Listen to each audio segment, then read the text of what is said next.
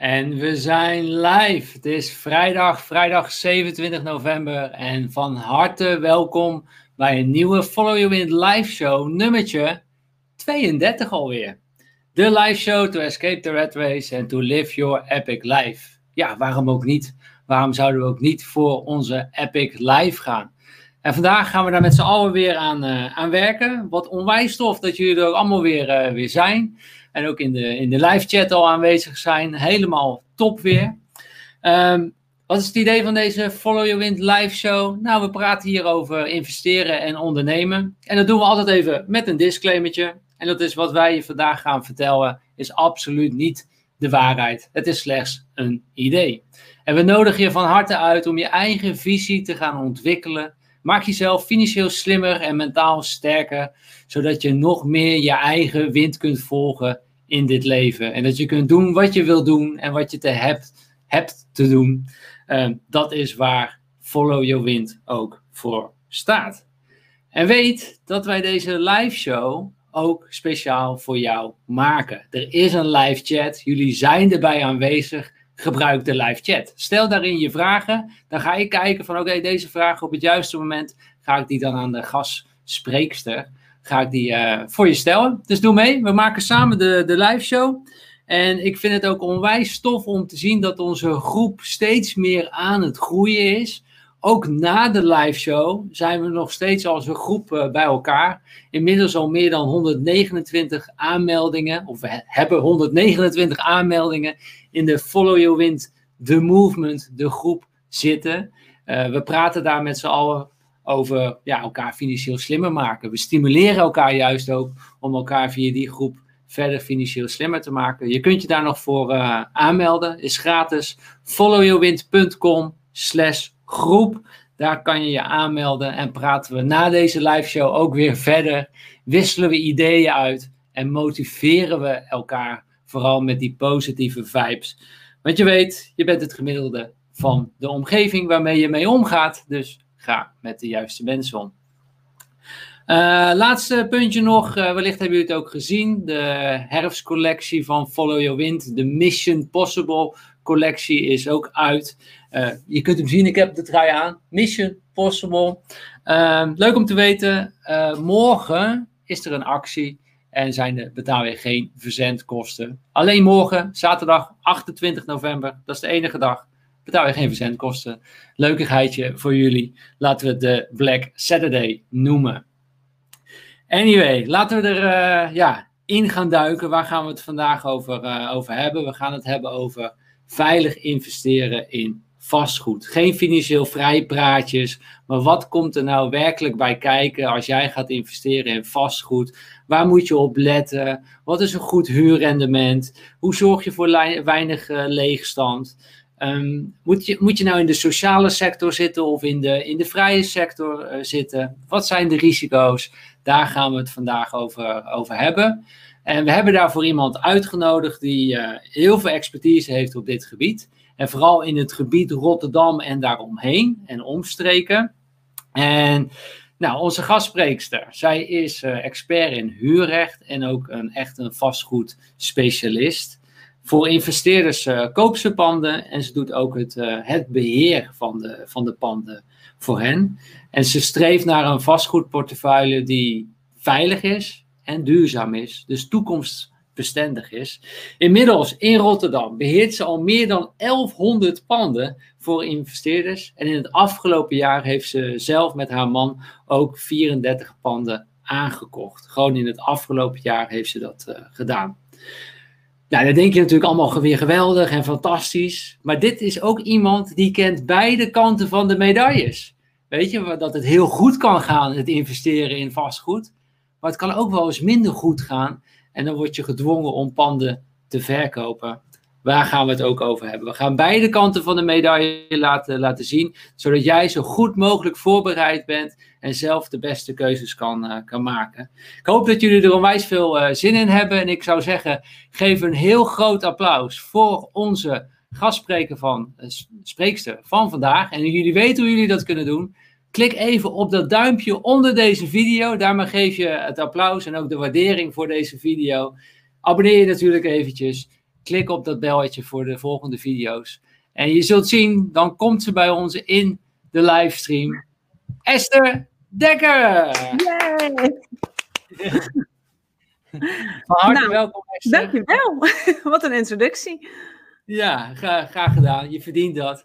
En ik vind het onwijs tof om jou in deze live show uh, uh, te hebben. Ja, en... leuk dat ik er mag zijn ook. Bedankt voor je, voor je uitnodiging. Ja, graag gedaan. En uh, wat ik wel heel bijzonder en ook tevens heel leuk vind, jij hebt dus een universitaire studie gedaan, algemene sociale wetenschappen. Ja. En nu ben je helemaal in de vastgoed gerold. Hoe, hoe is dat gekomen? Nou, ik, het, uh, ik heb daarvoor uh, zelfs nog vrije tijdsmanagement gedaan. Dus uh, ook iets wat iedereen doet. Anders. Als je nog niet weet wat je wilt, toch? Ja, klopt. En toen, toen afgestudeerd op, op geurbeleving. Dus imagineering marketing eigenlijk. En, en dan rol je toch het vastgoed in. Ja, dat is natuurlijk wel heel grappig. Um, nou ja, algemene sociale wetenschappen had, had daar wel raakvlakken mee. Uh, want dat gaat eigenlijk ook heel erg veel over, uh, over beleid en hoe dat nou gemaakt wordt in Nederland. En ik heb dan in mijn masterjaar een jaar lang onderzoek gedaan naar specifiek huisvestingsbeleid in Nederland. Dus daar zit natuurlijk heel erg al de vastgoedkant aan. Dus huisvesting, ja, hoe komen nou die regels tot stand? hoe wordt dat beleid gemaakt? Waarom wordt er beleid gemaakt? Waar wordt allemaal naar gekeken? Dat soort dingen. En uh, toen kwam ik ook toevallig uh, mijn man tegen toen ik uh, in mijn afstudeerjaar zat, in mijn masterjaar. en die, die zat al in het vastgoed. Dus ik ben ook gewoon een beetje die kant opgerold daardoor.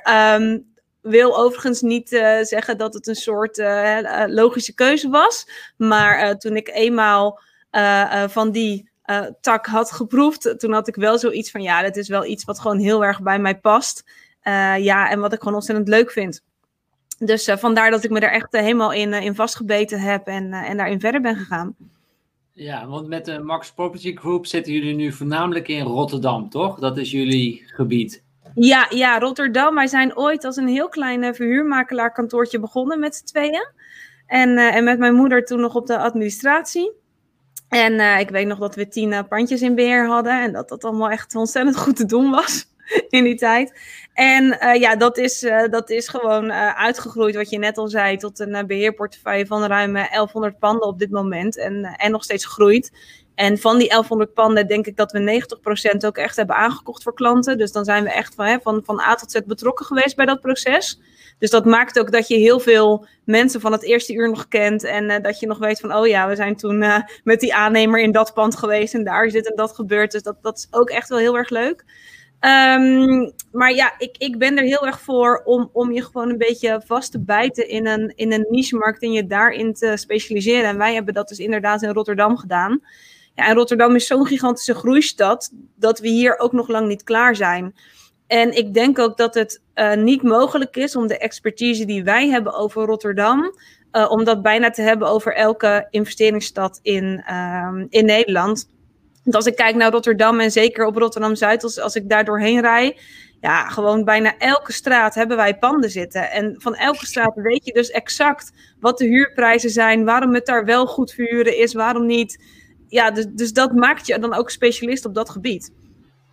Ja, en, en meteen, geeft meteen de unieke waardes die je hebt en wat je kunt leveren voor je, voor je klant. Wil ik het straks nog even over hebben, over wat zijn nou specifieke regeltjes juist in Rotterdam. Want volgens mij heeft Rotterdam ook wel weer echt ja, zijn eigen regeltjes.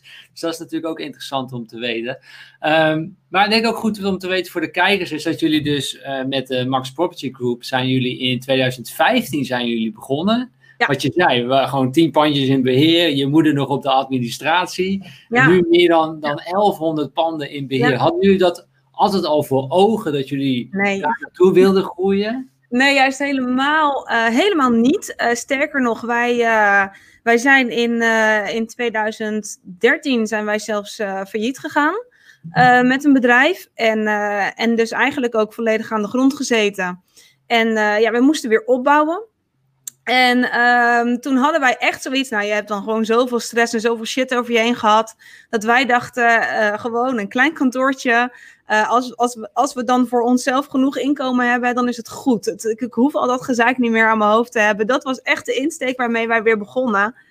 Ja, en kijk, ehm, mijn man en ik zijn ook wel echt allebei gewoon uh, ondernemers. En dat zit toch in je, denk ik dan. Um, ja, dus, dus wij begonnen ook wel echt, hè, zeker het eerste jaar 2015, toen um, begonnen we eigenlijk weer een beetje op te krabbelen. En op een gegeven moment kom je ook in zo'n flow dat heel veel dingen in één keer weer lukken. Dus na, na een tijd van heel veel uh, gezeik en gezeur en, en heel veel negatief stress, kom je in één keer weer in een fase dat, dat dingen succesvol worden.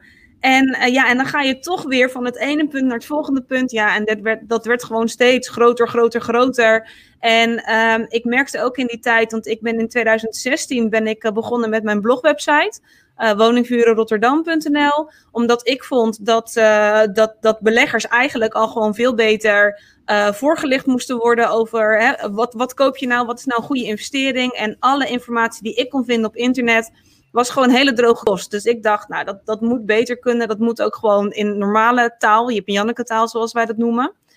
En um, ja, dat sloeg heel erg aan. Dus eigenlijk, um, doordat ik gewoon als een soort uh, passie artikelen ben gaan schrijven uh, op internet, dus kennis ben gaan delen. Wacht even, waar gaat iets zien? Uh, kennis ben gaan delen. Um, ja, kwamen er ook heel veel beleggers onze kant op, die, die ook steeds meer zeiden van, joh, kan je mij dan helpen ook bij aankopen? Want in 2015 deden wij echt alleen nog maar verhuur en een klein beetje beheer. En puur door het delen van kennis um, kwamen beleggers naar ons toe. Die zeiden: Ja, maar kan je dan ook helpen met aankopen? Want jullie kijken zo anders dan een verkoopmakelaar. Nou, en toen had ik nog wel wat tijd over. Dus toen zei ik: uh, Joh, ja, dat is goed. Vind ik ook wel leuk. Ja, en toen zijn we in dat gat gesprongen. Dus zo uh, begonnen met de eerste paar panden aankopen. Ja, en dat werd al snel zo groot dat ik het eigenlijk niet meer in mijn eentje kon. Dus toen ja. uh, hebben we toch maar iemand aangenomen voor de verhuur. En uh, daar kwam al snel iemand ook nog bij voor de back-office. Dus toen waren we met een team van, van vijf in totaal, met Edwin en ik erbij samen. En Edwin en ik volledig op die, op die beleggers. Op de, op de beleggers, inderdaad. Ja. Ja. Ik, ik, wil straks nog kijken met, hoe, met wat voor team jullie die 11 panden, 1100 panden beheren. Daar ben ik ook nieuwsgierig naar. laten we heel even kijken bij de, bij de kijkers. Leuk dat jullie erbij zijn trouwens allemaal. Ik ben wel benieuwd bij de kijkers. Met wie hebben we te maken? Hoeveel uh, panden verhuren jullie op dit moment? Uh, is, er, is er nog geen pand? Of heb je al één pand? Of twee? Of meer dan vijf? Laat het eventjes weten in de, in de chat. Dat zouden we leuk vinden om van jullie te horen. Dan kunnen we het nog specifieker ook voor jullie uh, maken, deze, deze live show. Um, la, laten we nog één stapje teruggaan, uh, Esther. Want je, je liet het al eventjes vallen. Jullie hebben ook uh, te maken gehad met een faillissement. met jullie vorige bedrijf. Ja. Um, dat was ook een vastgoedbedrijf, toch?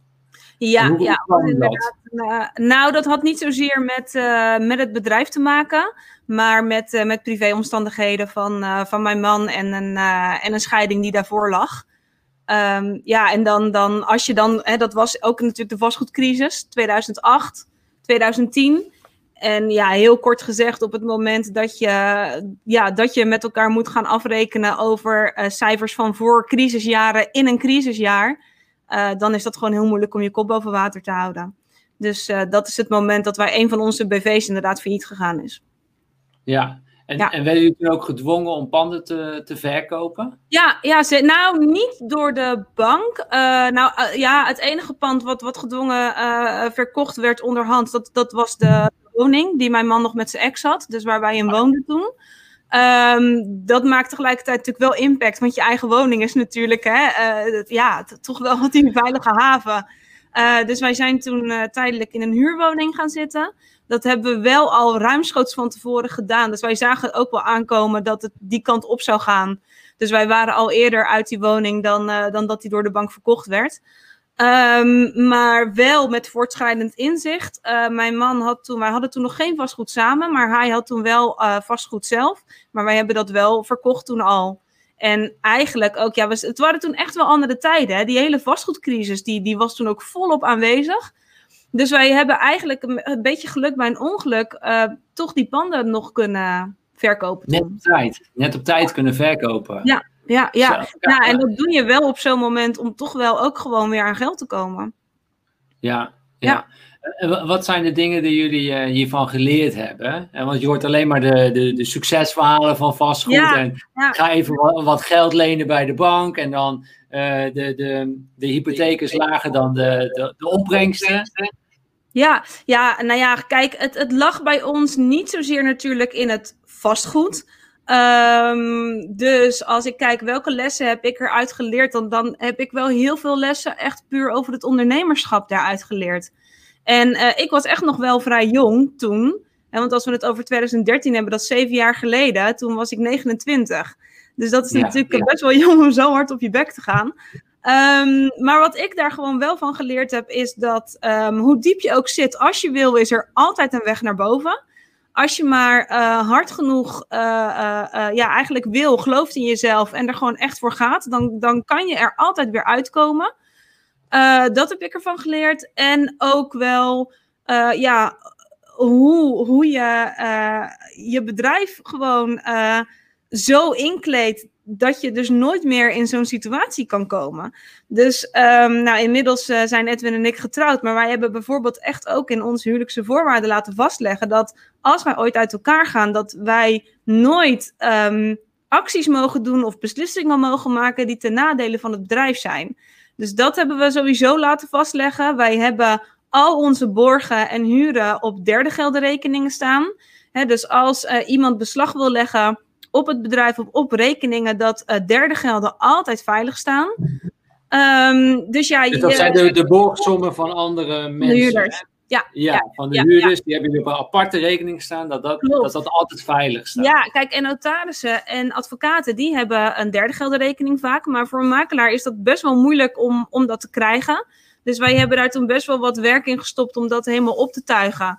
Uh, puur ook uh, door gewoon heel veel veiligheid en, uh, en zekerheid in te bouwen. Um, ja, en ik denk dat je gewoon veel meer. Um, ja, ik heb, ik, ik heb in die tijd ook wel gewoon heel veel mensenkennis opgedaan. Dus um, je kan nu ook gewoon heel goed zelf. hoe zeg je dat?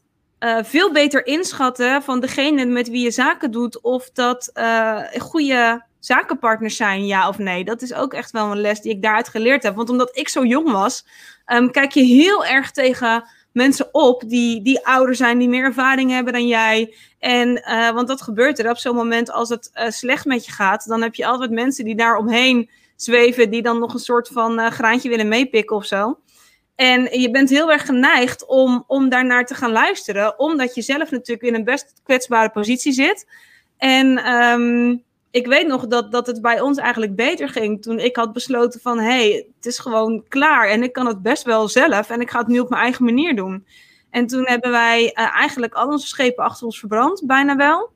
En uh, toen zijn we, zijn we toch weer gewoon begonnen en toen ging het eigenlijk ook gewoon goed. Dus ik heb daar ook wel uitgeleerd dat ik gewoon op mijn eigen gevoel moet vertrouwen en dat mijn eigen gevoel eigenlijk altijd wel gelijk heeft. Ja, dat is wel een mooi uh, staaltje follow your wind, zou ik zeggen. Nou, zeker, ja. Als je dan inderdaad... Ja, nee, maar echt, ja, ja, absoluut. Ja, ik, vind, ik, vind het, ik wil het ook graag delen met de luisteraars. Omdat niet alleen de, de, de, positieve kanten, maar ook... En nou, uiteindelijk is het weer wel een positieve kant uh, geworden. En ik vind het mooi om te zien dat jullie gewoon in, in 2015 zijn jullie opnieuw begonnen. Ja. Echt moet je kijken wat, wat, jullie in vijf jaar tijd hebben gewoon opgezet. Dus door te, te focussen, door keuzes te maken één niche. Ja. Uh, en en dan, dan, dan heb je opeens uh, eh, 1100 panden in, uh, in je beheer. Het is wel heel erg leuk om even te zien in de, in de chat. want we vroegen natuurlijk hoeveel panden verhuren de, de kijkers al. Ik zie Charles 1, Max 3, JW 0, Wendy 0. iemand, Margriet al 1, Paul al 1. Ehm, en Monique 5 panden. Twee, Twee panden via het bedrijf van, uh, van Esther. Leuk dat je er bent, Monique. Angelique, twee. Uh, nou, geweldig om te... Uh, echt heel erg leuk om te zien. Oh, ik heb gisteren het pand van Monique opgenomen. ik heb foto's gemaakt. Dus die komt vandaag online, Monique, dan weet je dat. Ja, leuk. leuk. Leuk om te horen.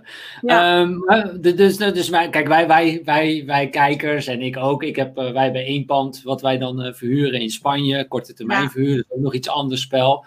Ja. Uh, maar we zijn nu aan het kijken voor Nederland en willen daar verder. On, ons doel is om naar tien panden toe te groeien. Mm -hmm. maar ik ben wel heel erg benieuwd naar van, ja, wat komt daar nu allemaal bij kijken? Jij hebt elf panden, 1100 panden onder je beheer. Met, met wat voor team kunnen jullie dat beheren? Ja, wij doen dat heel efficiënt. Um, ik heb op dit moment vijf mensen op de loonlijst staan. En, um, en, en, en, en, en ik en Edwin, we hebben dan vorig jaar inderdaad ook uh, Cube Investments opgestart. Dus dat is het bedrijf waarmee wij inderdaad met nog een compagnon investeren in vastgoed. En Edwin werkt eigenlijk volledig voor Cube.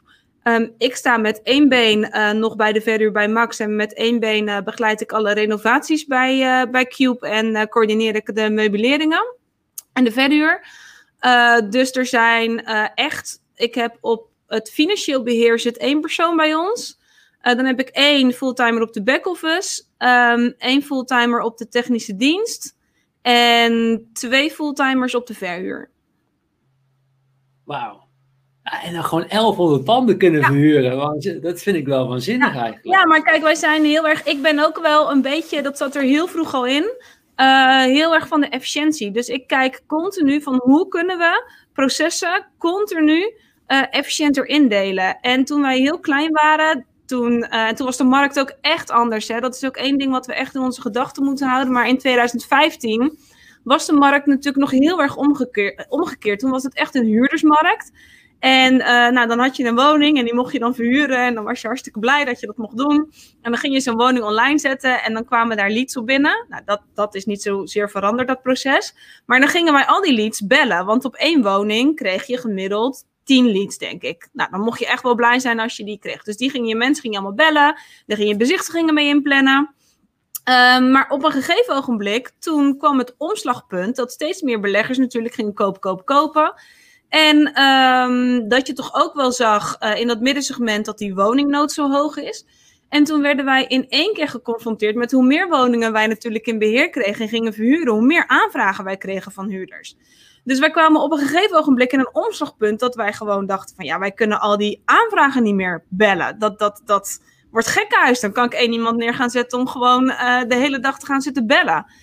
Dus uh, toen zijn wij een soort funnel gaan bouwen van, nou ja, al die aanvragen van die woningen, die gaan we allemaal trechteren. En dan gaan we uh, open huisroutes organiseren. Dus dat betekent dat wij niet meer gaan vragen aan de klant wanneer kan je. Maar wij gaan de klant eigenlijk gewoon vertellen van, joh, als jij die woning wil huren, dan kan je op die en die data en zo laat kan je komen kijken. En um, ja, en zeg het maar. Dus dat hele proces hebben wij toen omgedraaid. En ja. uh, op de dag van, de, van vandaag doen we het nog steeds op die manier. Wij krijgen 300 aanvragen per dag van huurders die woningen zoeken. Dus die kan wow. je ook niet meer allemaal uh, gaan bellen en mailen en, uh, en doen. Dus die worden allemaal getrechterd naar een inschrijfformulier. En degene die zich inschrijven, die worden uitgenodigd voor, voor de open huizenroutes. En wij maken dus elke week een agenda. En dan einde van de dag doen we alle bezichtigingen. Want dan zijn de meeste mensen, hè, dan hoeven ze niet zoveel vrij te nemen van hun werk. Dan heb je ook de hoogst mogelijke opkomst. En dan um, doen we ongeveer, ja, het is afhankelijk van hoeveel panden we in de verder hebben, maar tussen de 5 uh, à 15 open huizen per week. Wauw, mooi. En, en, en wat als een huurder dan uh, op een gegeven moment huurt hij bij jullie en die heeft een technische man nodig? Jullie ja. hebben één technische man in dienst, hè? Ja, wij hebben één uh, technische man in, in dienst. Dus ze doen uh, via de website kunnen ze een, uh, een servicemelding doen, kunnen ze een formulier invullen. Dat komt dan binnen bij de technische dienst. Dan wordt ja, het, het, verzoek beoordeeld. Hè, of het spoed is, ja of nee. Dat is natuurlijk stap 1 wat je gaat bekijken. En wij werken natuurlijk wel ook met een heel netwerk van klusjesmannen en aannemers.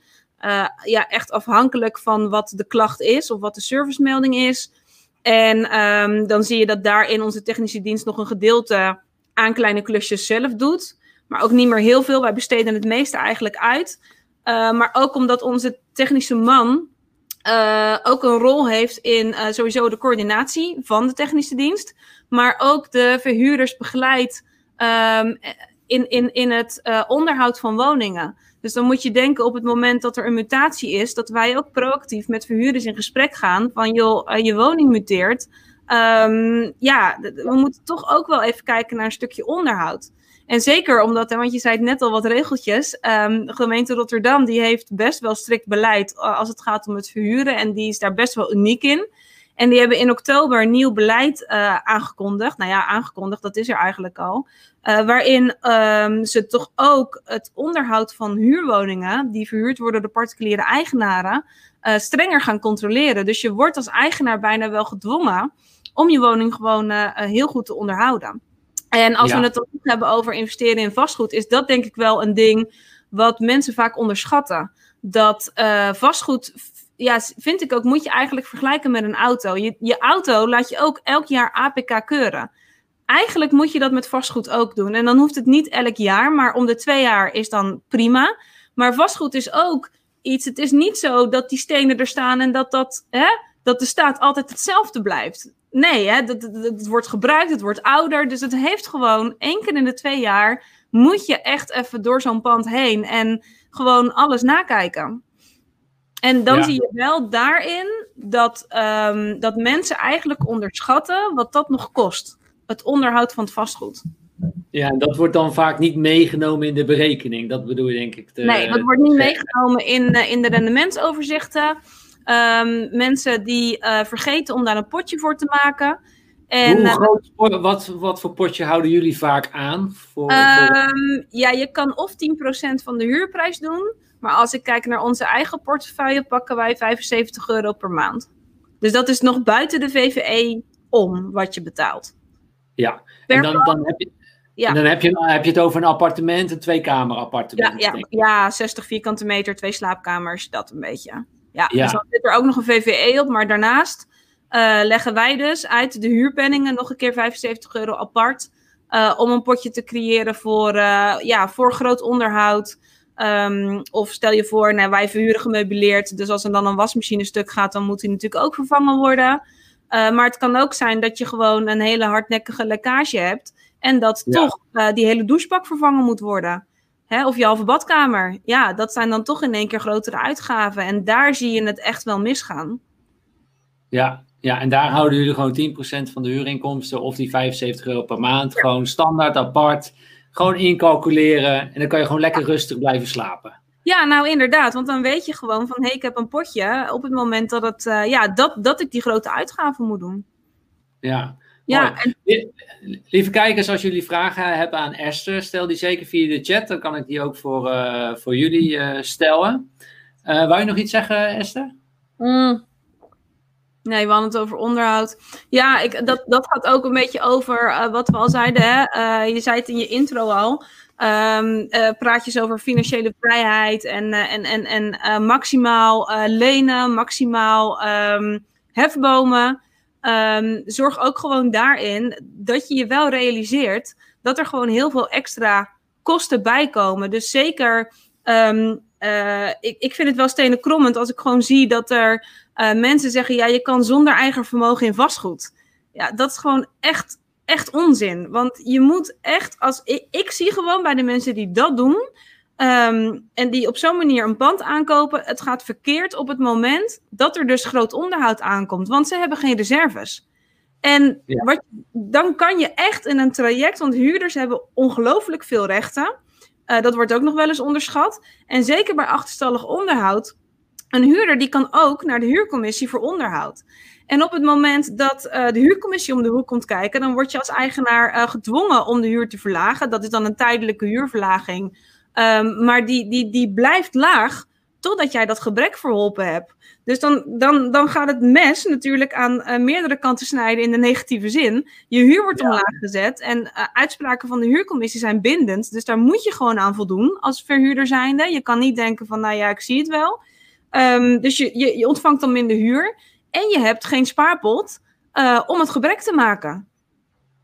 Dus ja. dan ga je. Ja, dan moet je weer ja. extra gaan lenen. Maar ja, dat komt niet, uh, dat wordt niet gedekt. Nee, nee. En dan gaat het natuurlijk de verkeerde kant op. En wat, wat denk jij dat gezond is qua eigen vermogen als je een, zo'n appartement van 60 vierkante meter gaat, gaat kopen, twee kamer appartement? 70 à 80.000 euro moet je weg wel mee kunnen nemen. 70. Uh, en dan hoe, voor hoeveel koop je dan het appartement? Ja, de, de huidige prijzen liggen gewoon rond de 150.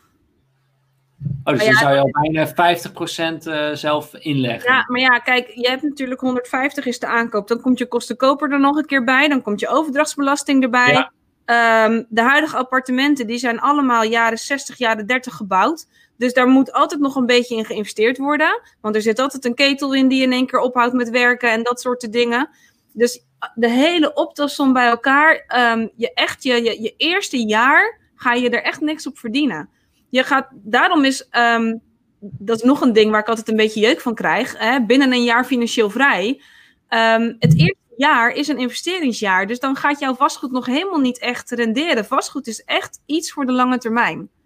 En als je snel wil cashen, dan moet je gewoon naar andere investeringsmogelijkheden gaan zoeken. Dan moet je uh, kortlopende leningen gaan doen of zo. Of uh, die crowdfunding, dan moet je daar je geld in steken dat dat, dat snel rendeert.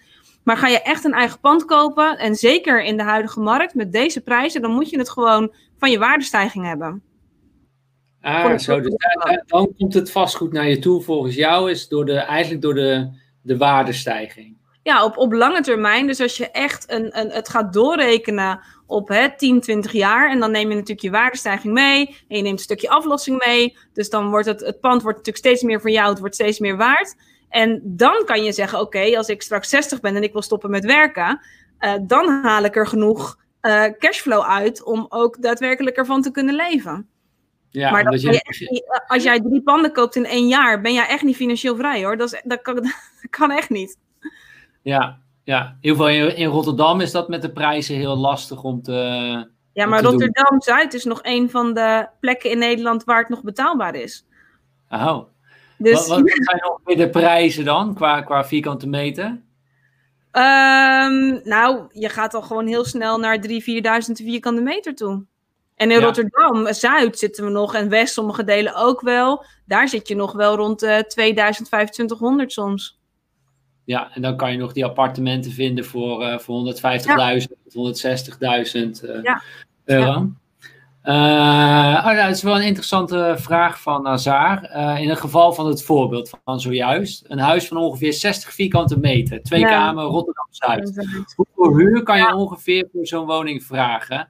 En vallen die nog in de vrije sector? Daar gaan we het ook over hebben. Maar wat, wat, wat, voor huur zou je inderdaad voor zo'n appartement ja, kunnen vragen? Dat hangt er vanaf waar het appartement staat. Want ook twee kamer, is dat dan, bedoelt hij dan één slaapkamer en een woonkamer? Of bedoelt hij nee, twee, twee slaapkamers? Laat, laten we twee slaapkamers. Ja, nou... Daar praat je um, ook bij twee kamer appartementen en twee slaapkamers en een Kijk, woonkamer. Als ik nu, ik ga het nu hebben natuurlijk over de marktprijzen, want hij vraagt terecht, vallen die in de vrije sector? Um, er zijn natuurlijk twee soorten prijzen. Je hebt marktprijzen en je hebt puntentellingen uh, prijzen, puntprijzen. En de marktprijs voor zo'n appartement in de regio IJsselmonde of Zuidwijk, mits strak afgewerkt, goede badkamer, goede keuken, daar kan je ongeveer 925 euro voor vragen. Dus een bandbreedte tussen de 8,50 en de 9,25. Staat het appartement in Charloes of Carnisse, dan zit je met een bandbreedte tussen de 8,25 en de 8,95. Maar dat zijn markthuren. Uh, terecht vallen die in de vrije sector. 9 van de 10 keer als je ze aankoopt niet. Maar als jouw WOZ-waarde boven de ton is en uh, geen blokverwarming, daar moet je echt naar kijken. Dan kan je, als je gaat verduurzamen, wel die panden naar de vrije sector tillen. Ja, want, want uh, wat ik begreep, Esther, jij bent een groot voorstander om je panden van de sociale uh, sector naar de vrije sector te krijgen. Uh, waarom ben je daar zo groot uh, voorstander van? En, en, leg nog heel even uit wat de sociale sector in, inhoudt in de puntentelling. Voor de mensen die nou, dat dus niet dat, weten. dat, dat even eerst. Nou goed, in Nederland um, ja, hebben ze gewoon bedacht dat, dat er ook regels zijn als het gaat om hoeveel huur je mag vragen. En de overheid heeft daarvoor een zogenaamde puntentelling in het leven geroepen.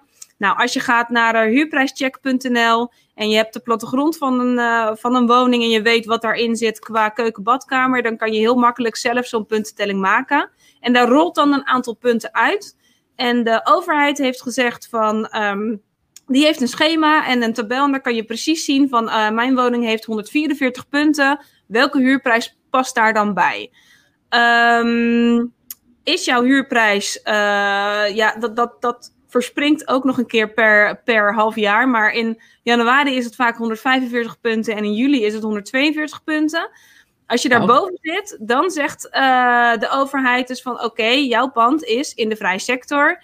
En eh, dat betekent dat het boven de liberalisatiegrens zit. Want de, de overheid geeft elk jaar eh, een huurbedrag af. en dat is dan de liberalisatiegrens. En alles wat daarboven zit qua punten en huurprijs, dat is vrije sector. Nou, het voordeel van de vrije sector is dat, dat eh, daar heb je iets meer vrijheid in. Ehm, dus dan ben je, eh, je hebt meer vrijheid als het gaat om huurverhogingen doorvoeren. En ehm, huurders die kunnen niet meer hun huurprijs laten toetsen bij de huurcommissie. Panden met een huurprijs in de sociale huur, eh, daarvan, of met een puntentelling die onder, de, onder, die onder die 145 zit, daarvan kunnen huurders, die hebben dan het recht om een huurprijs te laten toetsen bij de huurcommissie. Dus stel je voor, wat eh 99% van de beleggers doet, ehm, die kopen een pand. Nou, en die zal in de puntentelling eh, op een huurprijs uitkomen van, pak een beet, 650 euro, noem maar wat. Officieel gezien is het dan een sociale huurwoning. Wat heel veel beleggers doen, die zeggen van nou, ik weet dat die puntentelling 650 is, maar ik weet ook dat de markt 850 euro voor die woning geeft. Dus wat ik doe, ik ga mijn woning gewoon voor 850 euro verhuren. Nou, dat mag, dat is niet strafbaar. Het risico wat je dan loopt is wel dat een huurder naar de huurcommissie kan stappen en zijn huurprijs kan laten toetsen. En als dat gebeurt, dan ben jij verplicht, want huurcommissie-uitspraken zijn bindend, om jouw huurprijs terug te zetten naar 650 euro. Dat is stap 1. En je moet vanaf het begin van de huurperiode al die termijnen die jij te veel hebt ontvangen, moet je terugbetalen aan je huurder. Zo. Dus ehm, ja, zorg ook dat je goed weet of jouw pand dus wel of niet in die vrije sector is en welk risico je dan loopt. Hè. Calculeer dat in. Je kan best Ja. zeggen, ik pak dat risico, want wij hebben ehm, een heel breed scala natuurlijk aan beleggers. En ik heb ook beleggers erbij met grotere portefeuilles. Ja, en die zeggen gewoon, ja, ik, ik, over mijn hele portefeuille kan ik het risico wel lopen dat één of twee panden een huurcommissiezaak hebben. Maar ja, heb jij drie bandjes, dan is het natuurlijk een heel ander verhaal. ja. Dus ehm, sowieso goed dat je je beseft dat die regels er zijn.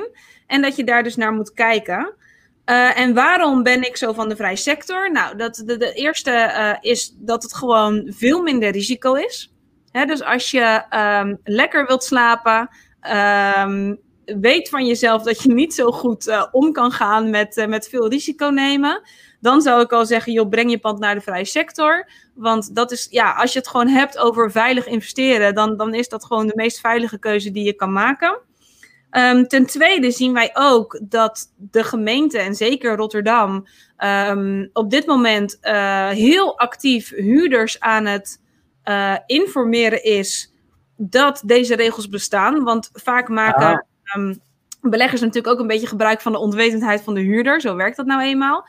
Eh, en gemeente Rotterdam die is nu een hele campagne gestart. Dus overal in de stad zie je hier eh, plakborden met eh, ga naar weetwatjehuurt.nl. En als je daar naartoe gaat, dan zie je heel groot bereken hier jouw huurprijs. Dus, eh, dus ja, weet je, ehm, ik, ik denk dat er steeds meer een soort trechter komt. Dat je bijna, als jij in die particuliere huur zit, als dat jouw doelgroep is, dat je daar bijna wel naartoe moet gaan. Want niet alleen de gemeente doet het, er zijn ook commerciële instellingen die een soort verdienmodel hierop hebben. Dus die schrijven ook huurders actief aan van hé, je betaalt te veel huur. ehm, wij gaan het je helpen om het je terug te krijgen. Maar als wij succesvol zijn, dan krijgen wij een percentage over het bedrag wat jij terugkrijgt. Dus ja, dat zijn commerciële bedrijven. Dus die blijven ook die huurders wel gewoon benaderen. Dus dat zie je eh, gebeuren. ja. En niet geheel onbelangrijk, als we het hebben over herfinancieren. Een bank die, ehm, of een taxateur, die kijkt als die gaat taxeren en hij gaat de waarde in verhuurde staat beoordelen, dan kijkt hij naar de puntentelling. Dus stel jij voor dat jij uitgaat van een huur van 8,50 en in de puntentelling is de huur 6,50, dan gaat een bank rekenen met 650. Dus dan wordt, jij, wordt jouw loan to value wordt veel lager. Ehm, ga je je pand verduurzamen, dan uh, wordt je pand niet alleen meer waard, want hè, je energielabel gaat omhoog. Dus het, het is sowieso al waardestijging die je meepakt. En daarbij ook, op het moment dat de bank gaat taxeren, is jouw pand in de vrije sector. Dus kijken ze ook naar de markthuur. Dus je waarde in verhuurde staat wordt ook hoger. Dus qua herfinancieren zou je weer meer financiering kunnen krijgen voor je volgende pand. Ja, dus en daar, nee, daar, daar is het. Ja, ik weet ook dat er banken zijn. Ik, uh, ik, ik had bijvoorbeeld Nestor in, uh, in mijn podcast een aantal weken geleden. En die vertelde ook van, nou, wij zijn ook aan het kijken of wij um, mensen bijvoorbeeld eerst een soort bouwdepot kunnen geven om woningen te verduurzamen. En daarna gaan we ze herfinancieren. En er zijn meer financiers die dat doen. Dus het is zeker interessant om, uh, als je gaat herfinancieren, ook met je financieel adviseur daar eens over te hebben. Van hey, zou het misschien een idee zijn dat als ik een pand ga kopen, dat ik ga kijken bij een financier die mij eerst een bouwdepot geeft, zodat ik het pand kan gaan verduurzamen en naar de vrije sector kan tillen, dat we het daarna gaan herfinancieren. Ja, mooi. En, en ik denk dat je zelf eigenlijk ook uh, er veel lekkerder door gaat slapen. Ja. En ook het is er natuurlijk iets moois om het te verduurzamen, maar je bent ook um, je loopt veel minder risico met je pand. Want je pand is veel beter onderhouden. Zoals je ook met je auto of met je eigen lichaam zou willen doen. En doet. Moet je dat zo, moet je, je, je pand is natuurlijk ook gewoon een bedrijf. En dat moet gezond blijven. En dat moet goed gevoed worden. Ja. Alleen, ja. en ook daar zie je in, als jij, hoe beter je het pand onderhoudt, uh, dat huurders ook beter met je woning omgaan. Dat is echt zo. Dat, dat zien wij gewoon in de praktijk echt gebeuren. Panden die netjes worden opgeknapt, zijn sowieso veel sneller verhuurd dan panden die dat niet zijn. Dus het, het werkt ook nog eens in je voordeel met betrekking tot leegstand. Maar uh, ja, je huurders gaan ook beter om. En je krijgt ook de leukste huurders. Ja, ik, ik merk dat zelf ook, Esther. Want wij hebben natuurlijk hier het, het Malacca Beach House dan in, uh, in, in, Spanje. Ja, dat waren eigenlijk vier muren. Dat hebben wij helemaal uh, opgeknapt. Nieuwe riolering, nieuwe elektriciteit. Vanaf daar alles nieuw. En ook ja. qua apparatuur, goede spullen, alle faciliteiten erin. Daardoor kunnen wij ook veel meer vragen dan, dan, dan de buren. Ja. Uh, maar wat we als effect heeft, dat we veel leukere klanten krijgen. Ja. Die bereid zijn om meer te betalen voor kwaliteit. Ja. Maar die dat ook waarderen. En ook, die gaan er thuis zelf al netjes mee om. En wij merken het hier ook in het huis. Hebben wij veel minder onderhoud daardoor. Omdat ze er gewoon netjes mee omgaan. Ja. Een heel anders uh, slag volk krijg je ja. uh, qua verhuur. En ja. ja. dat heeft ons echt wel heel veel duiten gekost in het begin. Um, maar ja, de, de spullen werken ook. Weet je, er gaat geen oven kapot. Er gaat niet de airco of zo. Dus dat, en als ze kapot gaan, we hebben allemaal A-kwaliteiten. Ja. Uh, uh, is er meteen een mannetje waar al die spullen van op voorraad zijn. Ja. En die airco wordt binnen een dag gemaakt. Ja, ja. Ja, ja, als zo je een B-merk hebt of een Chinees merk hebt, Mm. ja, dan hang je. Ja, ja, ja. Ja, Ja, nee, dus- dat, nee, ja, zo werkt het inderdaad echt. Ja. Wat, wat kunnen we doen om eh, van die sociale eh, sector ons pand inderdaad te brengen naar die vrije sector? Wat zijn, wat zie jij, wat doen jullie vaak? Wat zijn de trucjes dat Ja, je... dat is echt verduurzamen. Dat, eh, kijk, als je naar de puntentelling kijkt, dan kan je op twee vlakken kan je heel veel punten halen. En de rest, dat is punten sprokkelen, zoals ik dat noem. En de meeste punten kan je halen op je WOZ-waarde. Ja, nou heb je daar niet zoveel invloed op. Die kan je natuurlijk wel aanvechten bij de gemeente om hem hoger te krijgen. Zeker nu met, de- met de waardestijgingen die we afgelopen jaar gezien hebben. Ehm, en je energieindex. En het is wel belangrijk dat ik bewust energieindex noem en niet energielabel. Want het energielabel dat afgegeven is na 2015 geeft geen punten in de puntentelling. Daar heb je dus echt je energieindex voor nodig. Dus ook al ga je niet verduurzamen, dan zou ik altijd adviseren: laat wel je energieindex afmelden. Want ja, weet je, je kan het maar hebben. En het zou doodzonde zijn als je een pand koopt wat een A-label heeft en er zit geen energieindex op en je vergeet dat af te melden en je huurder gaat naar de huurcommissie en zo'n pand komt alsnog in de sociale sector. Want voor een, A, le- een energieindex wat hoort bij een A-label krijg je 32 punten voor. Oké, Dus dat wat, lekker energie, wat is een energieindex? Ik kende het niet. Nou, in 2015, eh, toen is in Nederland, eh, werd, werden alle huiseigenaren verplicht om een energielabel op hun huis te nemen. En wat je toen zag, is dat de overheid heeft toen allemaal voorlopige energielabels op alle woningen gezet in Nederland. Maar die voorlopige labels, die waren puur gebaseerd op bouwjaar. Dus wat je ziet is dat er nog wel eens een, een G-label op een woning zit. Maar dat er intussen uh, al een andere cv-ketel in zit. Of er zit al uh, dubbel glas in. Of er is geïsoleerd. Maar al die kenmerken zijn dan niet meegenomen. Dus vaak zie je dat als je het, het, het label opnieuw laat afmelden, dat het eigenlijk al hoger is dan, dan het originele label, wat ooit in 2015 door de overheid is afgegeven.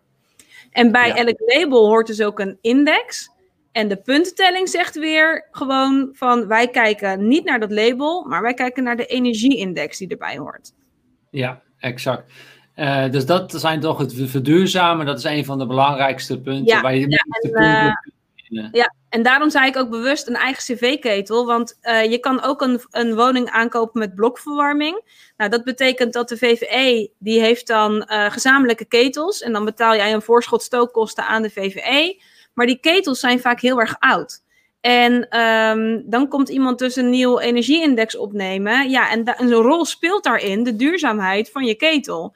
Uh, en als die dus heel oud zijn en jij hebt daar geen invloed op, omdat het onder de VVE valt, dan wordt het heel moeilijk om een pand naar de vrije sector te krijgen. Mits die natuurlijk, uh, hè, dan hebben we het echt wel over die 60 meter pandjes. Koop je een pand aan van 100 meter, dan ligt dat alweer anders, omdat je dan veel meer oppervlakte hebt. Ja, maar dan kom je wel sneller aan je punten. Ja, laten we een beetje in dat middensegment blijven, want dat, dat is rendementstechnisch ook het meest interessant om daarin te investeren.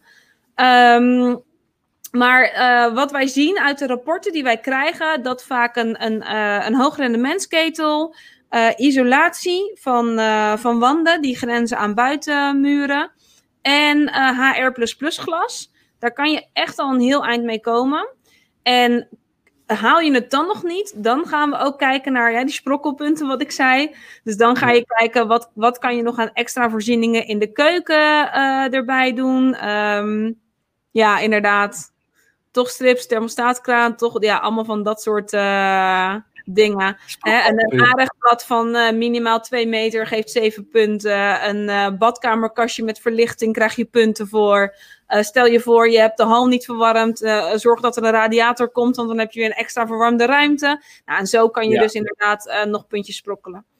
Ja, en ik hoorde ook bij jullie dat voor het aanrechtblad, dan krijg je dus meer. Maar als het fornuis in je aanrechtblad zit, ja, dan gaat dat... die centimeters niet mee. Nee, dus dan zet je het fornuis op je aanrechtblad en dan krijg je hem wel. wel. Ja. ja, en wat ook een hele goede truc is, uh, de huurcommissie die, uh, die, die heeft gezegd van nou een aanrechtblad, dat is niet zomaar een plank. Daar moeten wel kastjes onder zitten. Maar er wordt geen uh, afmeting genoemd voor de diepte van de kastjes. Dus heb je een beetje een brede keuken, dan kan je dus aan de andere kant van de keuken, kan je bij de IKEA smalle keukenkastjes kopen, daar een plank overheen leggen en dan heb je wel gewoon extra lengte in je aardigblad. Oh ja, mooi. mooi. Ja, dus en wel uh, ja, een beetje spelen met de regels die er zijn. Ja, maar het heeft ook veel voordelen en je, en je kunt er wat uh, lekkerder door slapen. En je krijgt ook veel meer gewoon de marktprijs, de eerlijke marktprijs. Je kan zelf bepalen welke prijs je wil vragen. En er is niemand die zegt dat je dat niet mag doen. Ja, ja, ja. En uh, stel nou dat ik uh, 144 is ongeveer de grens, 145. Stel ik bereken het, ik kom op 150 punten. Mooi. Ja. Ja. Maar na, na, drie jaar uh, sta, is het nog steeds 144 punten of gaat dat telkens omhoog? Elk jaar. Nou ja, um, elk jaar verandert het. Dus inderdaad, ja. de, de liberalisatiegrens wordt elk jaar door de overheid bijgesteld. Dus elke keer als jij opnieuw gaat verhuren, moet je wel even checken wat de huidige puntenstelsels zijn. Maar vaak zien we wel dat de, het aantal punten um, wat een woning moet hebben, dat het meestal zo rond die tussen die 142 en die 145 schommelt. Dus zit jij op 150 punten, dan zit je wel redelijk veilig. Dan zal je niet zo snel uh, teruggeslingerd worden naar die sociale. Ja, en je, en je moet het dus alleen opnieuw herberekenen als je een nieuw huurcontract afsluit. Ja, want elke keer als, uh, als jij van huurder wisselt en je gaat een nieuw huurcontract aan, dan gelden de regels op dat moment. Dus dat heeft niet alleen te maken met die puntentelling, maar stel je voor dat jij aan woongroepen verhuurt. Um, woongroepen is typisch zo'n concept. Dat, dat, de regelgeving daarvan ligt bij de gemeente. En gemeentes zijn er super goed in om continu extra regeltjes te maken. Dus um, bestuursrechtelijk en beleidstechnisch, als je, als je dus eigenlijk uh, aan studenten verhuurt of aan woongroepen, dat zijn dan wel de twee grootste waar, waar vaak dingen in wijzigen dan moet je echt elke keer als je pand vrijkomt even checken of je nog wel binnen de geldende wet en regelwetgeving zit. Ja, en, en, check je dat zelf, die punten, of laat je iemand langskomen die dat uh, komt checken? Wij besteden het uit. Wij werken met een bedrijf samen wat daar echt in gespecialiseerd is. Ja, ja. Oké, helder. En ik zat me nou nog af te vragen, Esther. Stel nou dat ik die, uh, die, die, die 70.000 euro gewoon op de plank heb liggen. En ik wil inderdaad in uh, omgeving Rotterdam gaan, gaan investeren.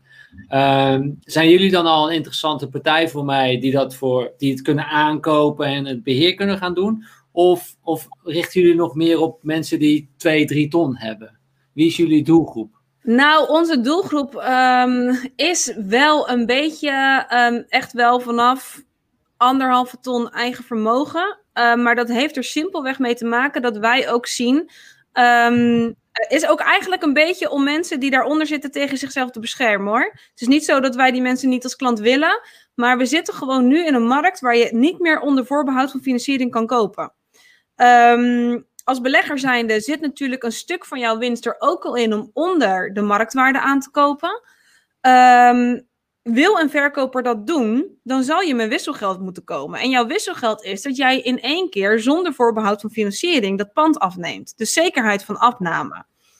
Het gevaar zit hem erin, als jij 70.000 euro hebt, dan moet je gaan herfinancieren. Dan moet je direct een financiering bij de bank op gaan vragen, want je hebt niet genoeg geld om dat pand in één keer af te tikken. Dus wat er dan gebeurt is, um, uh, wij uh, bieden het pand aan onder onze klanten en iemand zegt, joh, ik wil het hebben. En op dat moment, als jij dus niet cash kan kopen, dan gaat de teller lopen. Want dan zeggen wij wel, oké, okay, wij willen binnen acht weken afnemen. Dan heb je dus acht weken de tijd om je financiering te regelen. Um, in die acht weken moet je pand getaxeerd worden. Uh, en moet jij met een financier um, ergens bij een bank geld op gaan halen. Nou, komt er dan een klink in de kabel? Het zij omdat de taxateur het pand uh, te laag uh, taxeert. En dat heeft ook weer te maken met die puntenhuur. Dus dat jouw rekenmodelletje wat je in je hoofd hebt toch anders is wat uit het taxatierapport komt. Ja, dan ga je gewoon nat. En um, gelukkig hebben wij een heel groot netwerk en kunnen we zo'n pand wel uh, snel hè, doorstoten naar een andere belegger die het vervolgens wel afneemt. Maar ja. je zit altijd gewoon in een, in een, in een groot, in een groot uh, ja, hoe zeg je dat? In een groot ding met risico. Dus op dit moment in deze markt um, is het, het het veiligste als je eigenlijk wel die uh, 150 in één keer uh, kan aftikken en het daarna gaat herfinancieren. Ja, dus dan heb je meer onderhandelingsmogelijkheden met de verkoper. Die wil er ja. snel vanaf. Jij zegt, ja. ik kan het regelen. Je hebt morgen je geld. Ja. Uh, maar dan gaan we iets met de prijs doen. Hè, dat, dat, dat, zal waarschijnlijk de deal dan, dan worden dat wij, uh, kijk, wij, wij, het is niet meer zo dat mensen bij ons uh, zich kunnen aanmelden en zeggen van, uh, ik zoek in dit, dit, dit, en ga jij dat voor mij zoeken? Want die markt is ook gewoon zo compleet veranderd. Dat deden we dus vijf jaar geleden wel. maar ja. dat is nu helemaal omgeturnd. Um, wij krijgen panden uit een, we hebben, nou, omdat we al zo lang actief zijn in Rotterdam, hebben we een goed netwerk. Dus wij krijgen van verschillende kanalen, deal sources, maar ook makelaars krijgen wij gewoon panden aangeboden die ze, ja, waarvan gezegd wordt, nou ja, dit mag uh, verkocht worden aan beleggers. En dan sturen wij het door binnen onze klantenkring. Maar iedereen die bij ons in onze aankooplijst staat, die zijn al eigenlijk door ons door een hele screening heen gehaald. Dus van die mensen weten wij wat hun eigen vermogen is. Um, wij zeggen wel tegen mensen zelf. Um, zorg dat je, uh, dat je goed weet wat je strategie is. Vastgoed beleggen begint echt met het vormen van een strategie. En een strategie heeft te maken met op welke locatie ga ik vastgoed kopen, wat voor soort vastgoed ga ik kopen en in welke doelgroep ga ik het verhuren. Die drie dingen, die hangen altijd met elkaar samen. Doelgroep en locatie zijn onlosmakelijk met elkaar verbonden. Dus als jij dat voor jezelf weet en jij hebt voor jezelf ook hè, de, cijfertjes goed in je hoofd, um, je weet wat je uiteindelijk het doel is. Want de strategie, uh, ja, daar gaat natuurlijk een doel aan vooraf. Ja. Um, dus is jouw doel van, nou, hè, ik wil over twintig jaar um, wil ik kunnen stoppen met werken en dan moet vastgoed voor mijn pensioen gaan zorgen. Ja, dat is ideaal, want dan kan je twee, drie pandjes per jaar kopen en dan kan je lekker op je gemakje kan je doorbouwen. En het geld wat uit die huren komt, heb je eigenlijk nog niet nodig. Dus dat kan mooi naar een spaarpotje voor onderhoud. En het kan naar een spaarpotje om je volgende pand weer aan te kopen. Ja, en, je stelt wel heel je pensioen veilig, ja. Ja, ja en, en, en dat is eigenlijk een verantwoorde manier van doorbouwen met vastgoed aan je pensioen. En als jij nu al zegt, ja, ik wil daar binnen een jaar van leven, ehm, dan, dan moet je bijna wel risico pakken. Want ga je kijken naar het middensegment, je koopt een pand aan van 150 euro, je moet het gaan uh, verduurzamen als je het naar de vrije sector wil. Nou, dan ben je, moet je echt nog wel 20.000 soms erin extra investeren. Nou, dan ga je naar de 170. Nou, dan kan je het voor het beste geval 9,25, 9,50 verhuren. Onderaan de streep hou je maar iets van 200 of 300 euro per maand over. Ik denk eerder 200. Als je renteaflossing er ook nog eens een keer af gaat halen. Dus het is echt geen vetpot. Het is echt niet zo dat je daar, uh, dat je daar gelijk hè, kan zeggen: ik zeg mijn baan op en, uh, en ik ga hier van rondkomen. Ja, tenzij je ergens anti-kraak wil gaan wonen of zo. Maar, um, maar niet als je gewoon lekker uh, wil leven. Dus um, dus dat moet je goed in je achterhoofd houden. En, dus zou, je, zou je gewoon uh, vastgoed investeren gewoon heel goed parttime kunnen doen? Gewoon naast je, naast je baan of naast je onderneming ga je gewoon ook parttime in vastgoed investeren. En later, na 20 jaar, wordt het je fulltime inkomen. Ja, nou dat, dat kan wel, maar dan moet je dus inderdaad wel zorgen dat je gewoon een goede beheerder erop hebt zitten. Want sowieso, hè, iedereen wil natuurlijk in box 3. Uh, ja. En wil jij in box 3, dan moet je er zelf uh, niet al te veel aan doen. Dus, um, maar daarom is het wel goed als je aan je vastgoed gaat investeren. Um, zorg dat je echt goed voorkennis hebt. En dat heeft er alles mee te maken dat je weet in welk gebied je wil gaan zitten. Dat je weet wat je doel is. Dat je weet wat je strategie is en je doelgroep. En hoeveel uh, vermogen je gewoon hebt. Wat is jouw actuele status? Nou, daar um, kan je uh, genoeg cursussen voor doen in Nederland.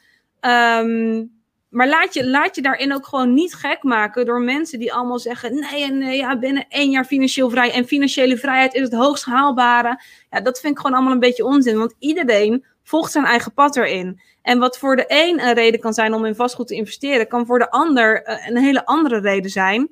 Um, maar ik vind wel dat je het altijd wel gewoon op een verantwoorde manier uh, moet doen voor jezelf. Het is niet dat we het. We hebben het niet over een pak eierkoeken bij de bakker voor 3 euro. Het gaat gewoon nee, het, is, het is ook niet dat je 100.000 in aandelen stopt, die je er daarna ook weer meteen uit kunt halen. Hier zit 100.000 euro in stenen en het zit vast. Hè? Hopelijk zit ja, het goed. Ook, ja, dan maar, moet je ook goed rekening mee houden. Je kan er ook gewoon even niet meer bij. Ja. Um, dus inderdaad, wat jij zegt, als je, als je um, vastgoed moet echt een lange termijn investering zijn. Dus je moet echt niet denken dat je binnen, binnen drie jaar kan stoppen. Tenzij je het echt professioneel gaat doen. Maar dan moet je het ook in een BV doen. Dan moet je naar box 1 en dan wordt het gewoon je werk. Ja, ja. Dan, dan, heb je alleen even wat ander werk. Um, maar voor degene... En wil ik het sowieso even met jullie over hebben hoe jullie die 34 panden hebben aangetrokken. Want volgens mij hebben jullie dat ook met, met joint ventures gedaan. En ja, ja. Ja, maar heel, als disclaimer nu al, wat wij doen, dat zou ik echt niet aanraden aan een uh, particuliere belegger die, uh, die gewoon nee, heel erg van de markt heeft. Ja. ja, jullie hebben natuurlijk veel meer ervaring en, en ja. zitten er helemaal uh, in. Maar ik vind het interessant wat je zegt. Je moet gewoon heel goed weten je locatie, je doelgroep en, je, en je einddoel, je strategie. Wanneer uh, onderzoek naar. Maar dat is ook leuk. Dat is, het is ook leuk om naar. Uh, je kan heel veel vooronderzoek doen op internet. Dus je kan wel gaan kijken naar uh, steden met, ehm, waarvan je denkt. stel, jouw doelgroep dat zijn young professionals. Nou, daar weet je al van. Die willen graag in steden wonen. Daar moet het openbaar vervoer goed zijn. En dan is het al leuk om gewoon naar steden te kijken in Nederland. Waarvan je zegt. Um, dat zijn groeisteden. Hè? Daar zit veel ontwikkeling in. Als we bijvoorbeeld naar Rotterdam kijken, naar Rotterdam-Zuid, dat, dat, dat, hier gaat nog zoveel gebeuren. Dus daar weet je ook al van, als ik in dat gebied ga zitten, dan weet ik sowieso al dat ik een stuk waardestijging erbij ga krijgen. Um, ja. In Limburg, dat is een krimpgemeente of omgeving. Dus ja, er zou ik niet te veel hopen op heel veel waardestijging. Maar ga dus ja. al, um, als je gewoon een kaart van Nederland pakt en gewoon gaat zeggen van nou, dat lijkt me interessant, die stad lijkt me interessant. Nou, dan ga je per stad kijken, wat zijn de prijzen daar? Wat zijn de voorzieningen? Wat voor ontwikkelingen staan nog op de, op de planning? Wat is het beleid? Nou, en dan blijft er steeds minder over als het goed is. En uh, je, je gaat steeds meer trechteren. En dan is het leuk om op een gegeven moment te gaan kijken, nou, ga eens naar zo'n stad toe. Hè, ga, ja. ga door de straten rijden. Ga maar dat is, echt, dat is echt, heel erg, echt heel erg leuk. Want ik heb het ja. samen met Nicole ook gedaan. En ik denk dat dat nog 2014 was, want wij woonden nog niet in Malacca. Nou, je raadt het nooit waar ik naartoe ben geweest, maar dat was dus naar Katendrecht, uh, de hoerenloper daar, hè? En uh, ja. Saarloos. Ja. Uh, dus ik heb heel dat Katendrecht helemaal zien opkomen. Ja, ja. En ja, kijk, het Saarloos durfde ik niet. Dat durfde oh, ik. Ik weet, niet zonde, zonde, zonde. ik weet niet hoe het nu is, maar dat, ja, dat was ja, toch iets halte voor mij, zeg maar.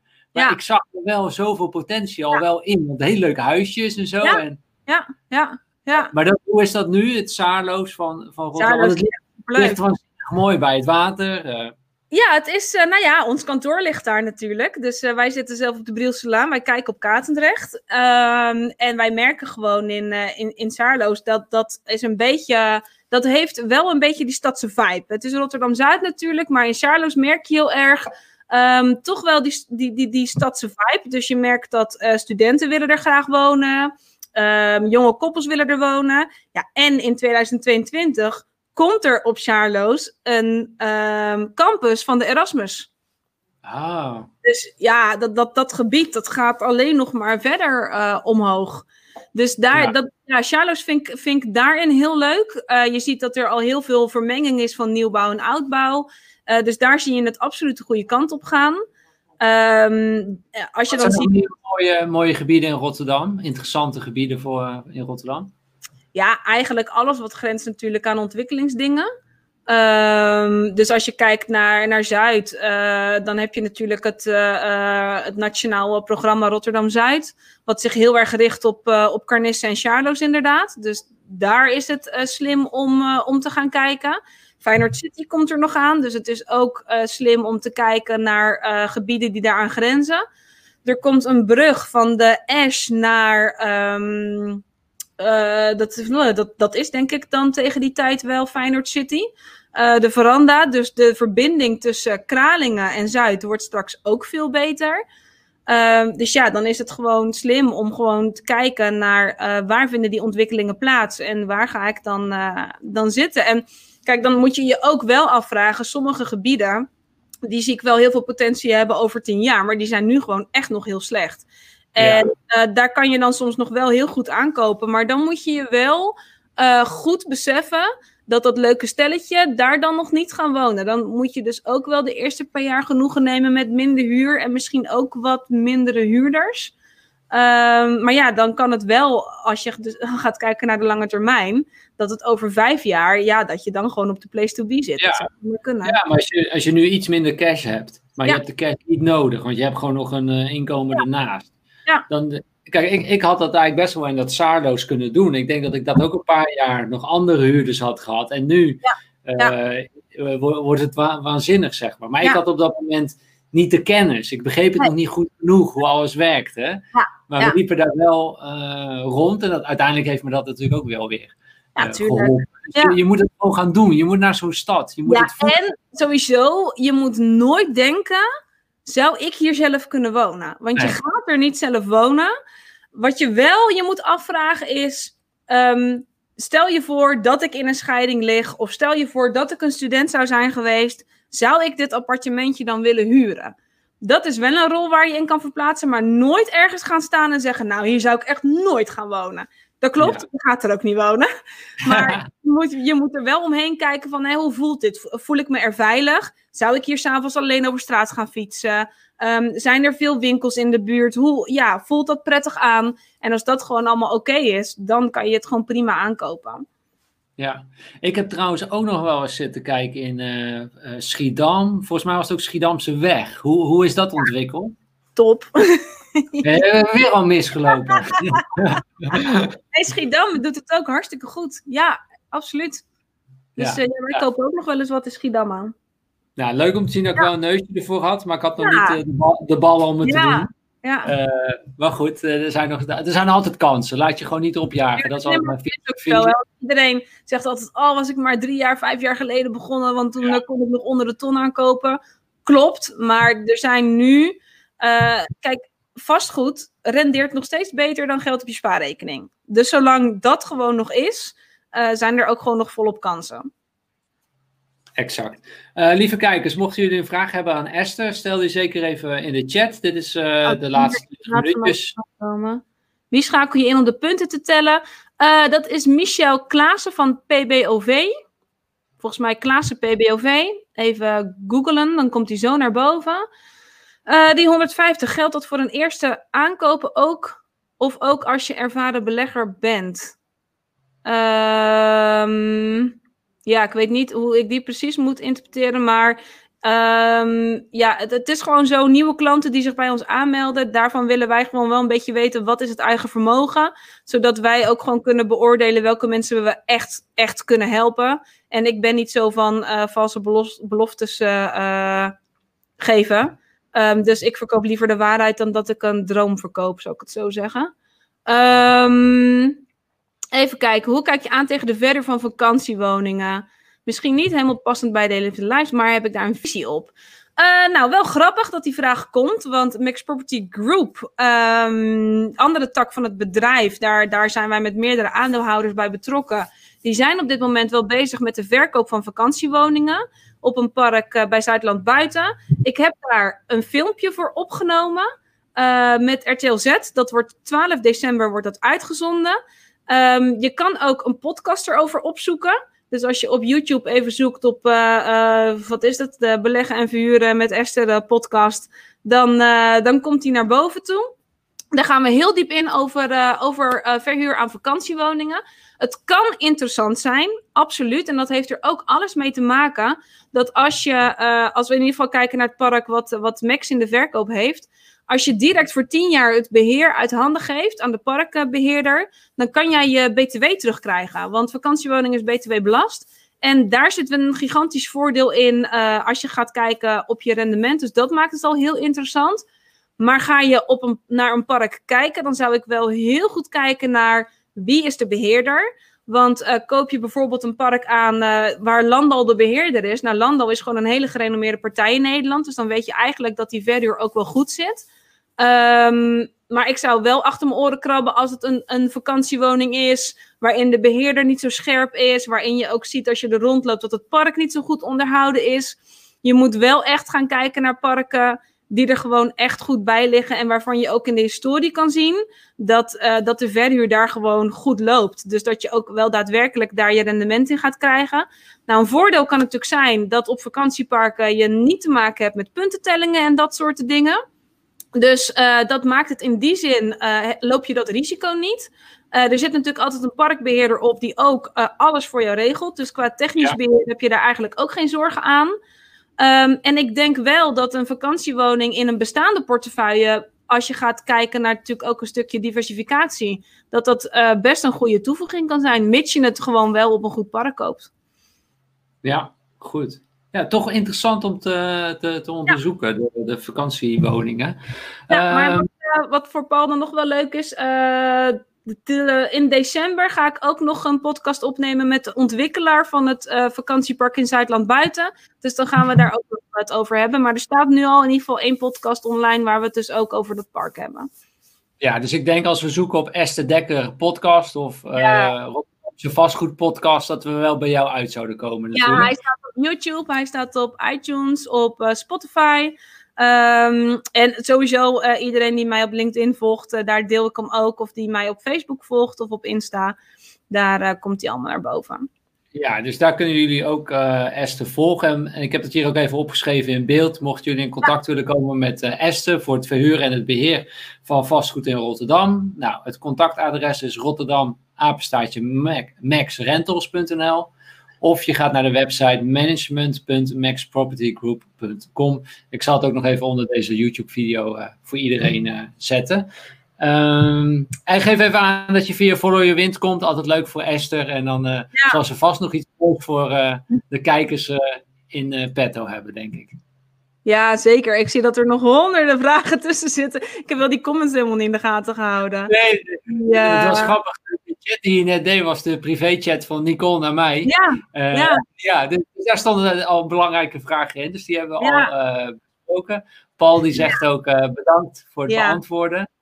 Nou, wat wel leuk is, eh. ik heb een besloten Facebookgroep op Facebook. Die heet Verhuren en Beleggen met Dr. Anders Esther Dekker. Als je daarin um, lid wordt, dan kan je ook al je vragen stellen. En dan ga ik ook af en toe live om al die vragen te beantwoorden. En daar kan je ook al het lieve leed wat ik meemaak in Rotterdam, dat deel ik daar. Dus ook gewoon de slechte dingen, leermomenten. ik, ja, je ziet gewoon echt hoe het is daar. Mooi, mooi.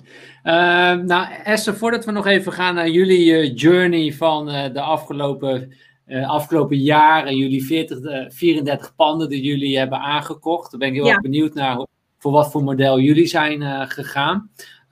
Laten we nog heel even een momentje doen. we hebben altijd een Instagram momentje. dus iedereen pak eventjes je telefoon erbij. maken we een fotootje en deel die vervolgens op, op Instagram. En tag ons ook allebei. Dus je kunt ons taggen, apenstaartje Nicole Stijn en apenstaartje vastgoed beleggen, underscore en underscore verhuren. Daarmee tag je dus uh, Esther. Komt die uh, Esther? Oh, wacht. Ik doe hem zo. Uh, ja. Uh, maak gewoon een fotootje, deel wat je hebt geleerd in deze live show. En dankjewel ook voor, uh, voor het verspreiden en voor het aandacht geven voor deze live show. Uh, voel je helemaal vrij om deze video ook na de live show gewoon te delen met mensen om je heen. En laten we elkaar gewoon echt, echt elkaar gewoon ja, slimmer maken en financieel slimmer maken. Ik, ik vind het echt geweldig, Esther, dat je gewoon ja, je tijd hieraan geeft om ons gewoon te updaten. Ook al zijn we niet meteen je klant, want je, je gaat voor de, de beleggers die al iets meer eigen vermogen hebben. Uh, dank je wel daarvoor al, uh, al sowieso. Ja, nee, alle tips die je kennis delen is gewoon uh, is belangrijk en is ook wel echt een beetje een speerpunt uh, van mezelf binnen het bedrijf. Ik heb natuurlijk niet voor niks vier jaar lang artikelen geschreven en, uh, en, en maak nu elke, wij zetten elke week twee podcast-series online. Um, ja, puur oh. omdat ik gewoon ook vind, als je geen kennis hebt, dan kan je zomaar bij de verkeerde terechtkomen. En dat kan zulke verregaande gevolgen hebben. En dat, dat, dat ja, doet gewoon zeer als je dat ziet. En ik heb het in de praktijk natuurlijk gezien. Ik heb gezien dat mensen verkeerde panden aankopen. Puur en alleen door gebrek aan kennis. Of slechte begeleiding. Of um, dat je door een makelaar laat begeleiden die het eigenlijk ook niet allemaal weet. Um, ja, en daarom zijn inderdaad dit soort dingen waar gewoon kwalitatieve kennis gedeeld wordt, die zijn wel echt heel erg goed. Ja, Mooi, mooi, mooi, mooi om te zien ook. Um, waar, waar, ik het ga nog even over. Ik ben, ik ben wel natuurlijk ook nieuwsgierig. Wij hebben op dit moment één pand in, uh, in Malaga. Uh, hebben we ook veel lessons learned in, moet ik zeggen. Nu door de coronacrisis natuurlijk, weet je. We hebben een jaar gehad dat we het echt super goed verhuurd hebben. Heel het jaar was het, was het verhuurd, het pand. Uh, wij konden er gewoon in dat geval wel van leven en van reizen met de camper door Portugal. Omdat het korte termijn inkomsten waren. Uh, maar tegelijkertijd, in 2020 eh, heeft, ja, hebben we ook weer het licht gezien. En door de coronacrisis kregen we de ene annulering naar de andere annulering. En ja. hebben we nu het geluk, het is onze eerste pand, we kunnen er zelf wonen, we kunnen het opvangen. Ja. Maar dit, dit heeft ons wel onze ogen geopend van, hé hey, oké, waar gaan we naartoe? Gaan we nog tien van zulke panden nemen? Of gaan we naar Nederland? Gaan we voor lange termijn verhuren? Ja. Hoe, ja. dat is die tweede, dat is dus... Uh, uh, waar we voor hebben gekozen. En wat ik ook tegen jou zei voor de uitzending is dat het herfinancieren in Spanje is gewoon lastiger dan in Nederland. Er staan niet zoveel banken voor, uh, voor open. Ja. Dus uh, wij hebben 50% van het huis afbetaald hier, omdat we als mm. buitenland. Uh, dus er zit veel va geld vast in onze woning. Ja. en dan kunnen we niet meer zo makkelijk herfinancieren. Dat wist ik allemaal niet. Ja, weet je, dat leer je gewoon nu door deze ja. live show dat dat allemaal kan. Dus wij gaan ook naar, naar Nederland toe. Um, hoe, hoe, hoe pakken jullie dat zelf aan? Want jullie uh, hebben in het afgelopen jaar 34 panden um, aangetrokken, ja. aangekocht. Ja. vertel. Um, nou, wij, wij doen en, dat... En laten we bij even een disclaimer, dit is high level en niet voor iedereen weggelegd. Jullie hebben super veel ervaring, veel kennis, maar het blijft heel interessant voor ons. Ja, nou, wat wij gedaan hebben. Um, kijk, Edwin en ik hebben natuurlijk vijf jaar lang al uh, gebouwd aan een heel groot uh, netwerk. Uh, van beleggers om ons heen, makelaars, um, mensen die panden te koop aanbieden. je hebt zelf natuurlijk ontzettend veel kennis van, van de markt, van alle wet en regelgeving. Um, welk vastgoed rendeert wel, welk niet, wat vuurt wel, wat vuurt niet. en goed, ja, wij hadden natuurlijk, wij zijn ondernemer, hè. bij ons is pensioen ook niet geregeld. Dus wij hebben altijd gezegd, wij zullen uiteindelijk zelf ook een keer een portefeuille moeten opbouwen. Weer gewoon puur voor ons pensioen. Nou, toen kwamen wij uh, onze compagnon tegen, Olivier, uh, vorig jaar. Um, nou, die samenwerking verliep eigenlijk zo goed dat we al heel snel met z'n drieën zeiden: Nou, we zijn eigenlijk echt wel een dreamteam met elkaar. Um, Olivier is echt van de cijfers, die maakt schema's. Daar word ik gewoon compleet zenuwachtig van. Uh, ik zeg altijd gelijk: waar is het eindpunt? Wat welk rendement gaan we hiermee halen? Maar dat is zijn kracht. Um, Edwin is gewoon een supergoeie onderhandelaar. Dus die, ja, die, ik zeg nog eens, die kan gewoon een zak stront verkopen. Uh, dus die, ja, die is daar gewoon super goed in. En, en ik kijk mee en ik, ja, ik maak gewoon de risicocalculaties. Dus ik zeg van, joh, ja, dit mag wel, dit mag niet. Um, hier zitten de risico's aan, noem maar op. Dus dat maakt ons met z'n drieën een, een, een heel goed team. En um, op een gegeven ogenblik, toen zagen wij natuurlijk ook dat het aanbod steeds schaarser werd in de markt. En... Um, wij hebben jarenlang aangekocht voor derden. En uh, aan de ene kant heb je een hele grote klantenkring die heel trouw is. Maar er zitten ook. We, we zagen een beetje. Sinds de afgelopen twee jaar heb je in één keer een opkomst van, uh, van hè, waar we het net al over hadden, financieel vrij en dat dat de norm is en noem maar op. En dat brengt ook een ander soort belegger met zich mee. En wij kregen in één keer, wij waren gewend om altijd voor klanten te werken die inderdaad zeiden: Ik wil er geen bemoeienis mee, het is voor mijn pensioen. Uh, ja, hè, ik, ik zie het wel. En in één keer kwamen er allemaal klanten die uh, eigenlijk alleen maar een pand wilden hebben en dan weer snel weg wilden. En toen dachten wij van ja, maar ho even, dat is helemaal niet de doelgroep waar wij voor willen werken. Wij hebben lange klantenrelaties, dat is eigenlijk juist waar we voor gaan. Um, en toen kwam op een gegeven moment het idee van, nou, stel je nou voor dat er uh, beleggers zijn die samen met ons een pand willen kopen. Dan binden we die belegger wat meer aan ons, want we zijn samen eigenaar van het pand. En um, wij met z'n drieën brengen zo bizar veel kennis en ervaring mee, dat we dus echt van waarde zijn voor de partner met wie wij dit doen. Dus um, nou, we hebben een aantal klanten in onze klantenkring die gewoon echt zeggen van... Uh, ik doe liever joint ventures, want dan zijn jullie heel erg betrokken. En dan weet ik zeker dat ik er niet naar om hoef te kijken. En jullie regelen alles. En ik weet dat het gewoon goed gebeurt. En uh, dus dan moet je denken dat eigenlijk de belegger de, ja, onze financier is, om het zomaar te zeggen. We ja. kopen met elkaar het pand aan het verschil door per model. De ene keer is de belegger de financier, de andere keer is het 50-50. Dat, dat, dat is verschillend. Maar we kopen in ieder geval gezamenlijk het pand aan en wij richten ons dan wel op grote panden of op ontwikkelingspanden. Dus dan moet je denken aan winkelruimtes die we omzetten naar woningen. Of um, ja, echt wel uh, 90, 100 vierkante meter plus. En uh, wij richten ons op internationale studenten. Dus wij maken overal drie kamers in. Uh, we meubileren dat en we verhuren dat vervolgens aan, um, aan internationale studenten.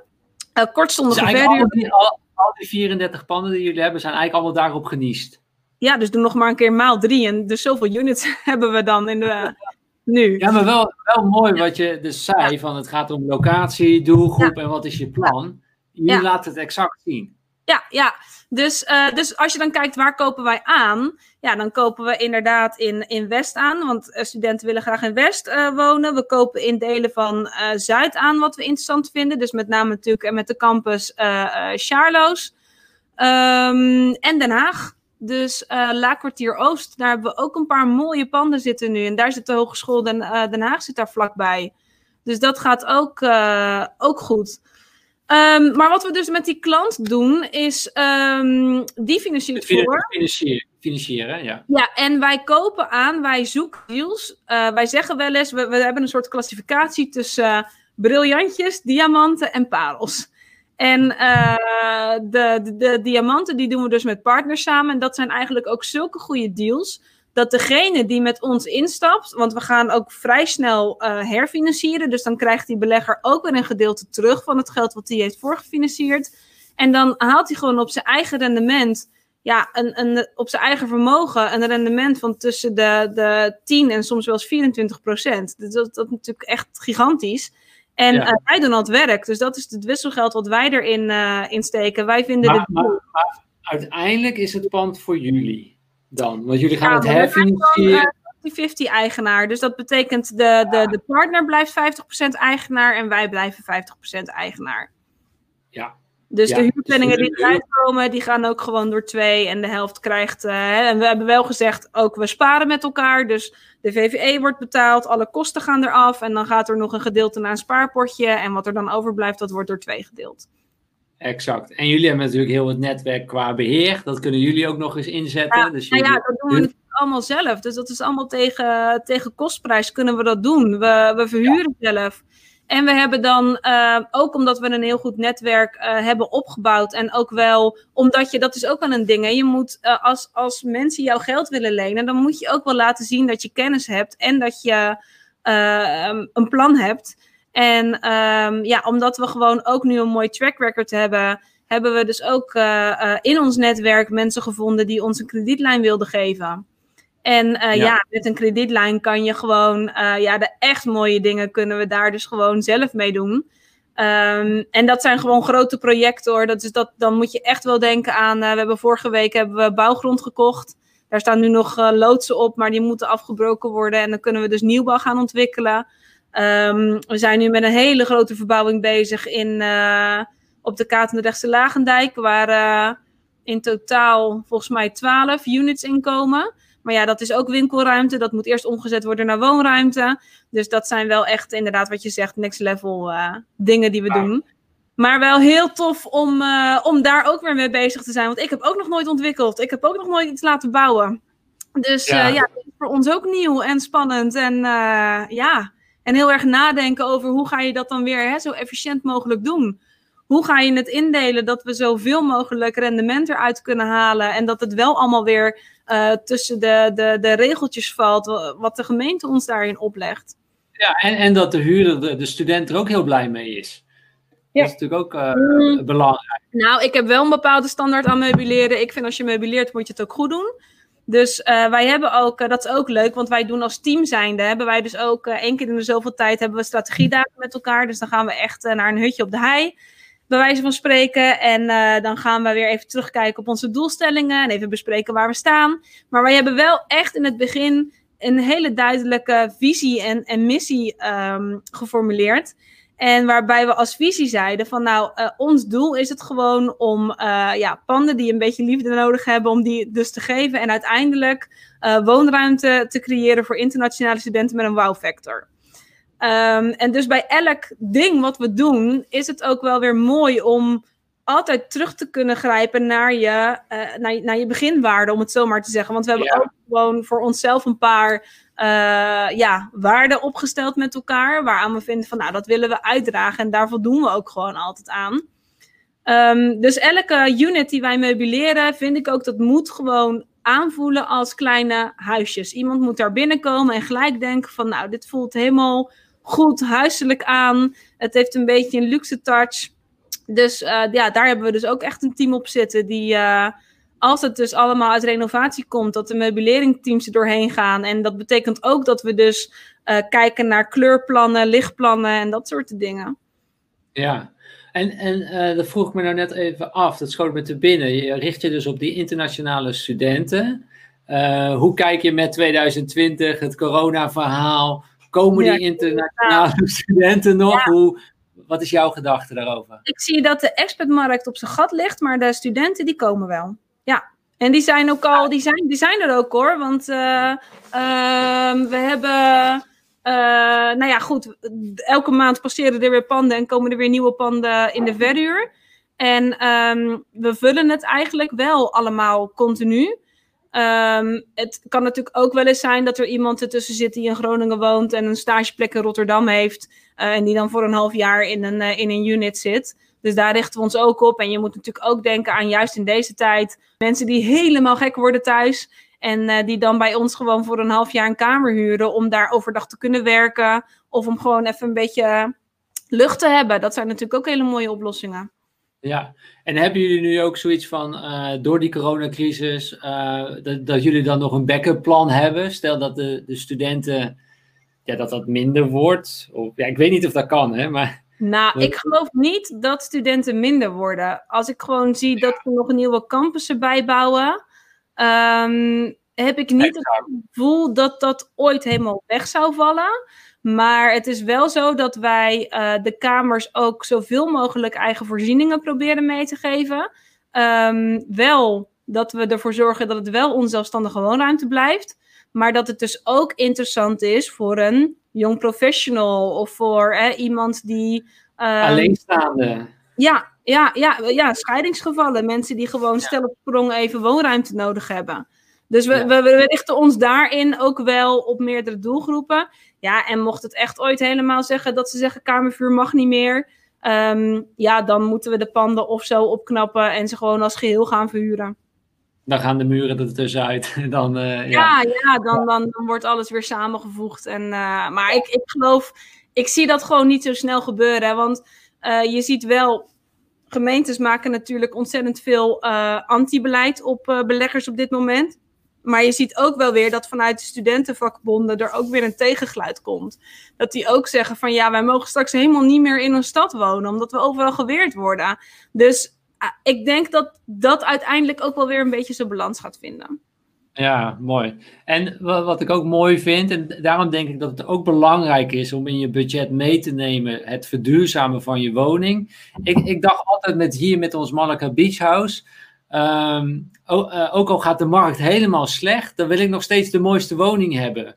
Want als er minder huurders zijn, dan wordt onze woning nog wel als eerste tenminste nog gehuurd.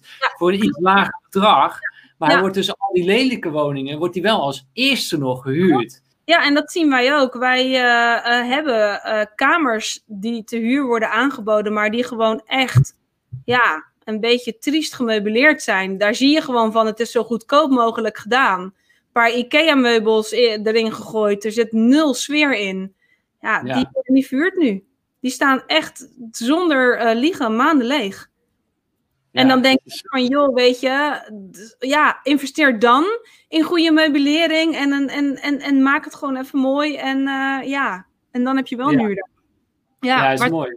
Weet je wat wij bijvoorbeeld hebben, hebben gedaan, is dat we, uh, nou in Spanje kan je niet drinken uit de kraan. Dat, Je moet altijd met flessen zeulen. Maar wij hebben dus een kraantje geïnstalleerd, dat je dus gewoon kan drinken uit de kraan. Ja. Ja, ja, gasten vinden dat waanzinnig. Gewoon. Ja, dat ja, ja, kan ik me voorstellen. En, en, we hebben een bad en een inloopdouche. Gewoon, ja, ja. badkamer is niet heel groot.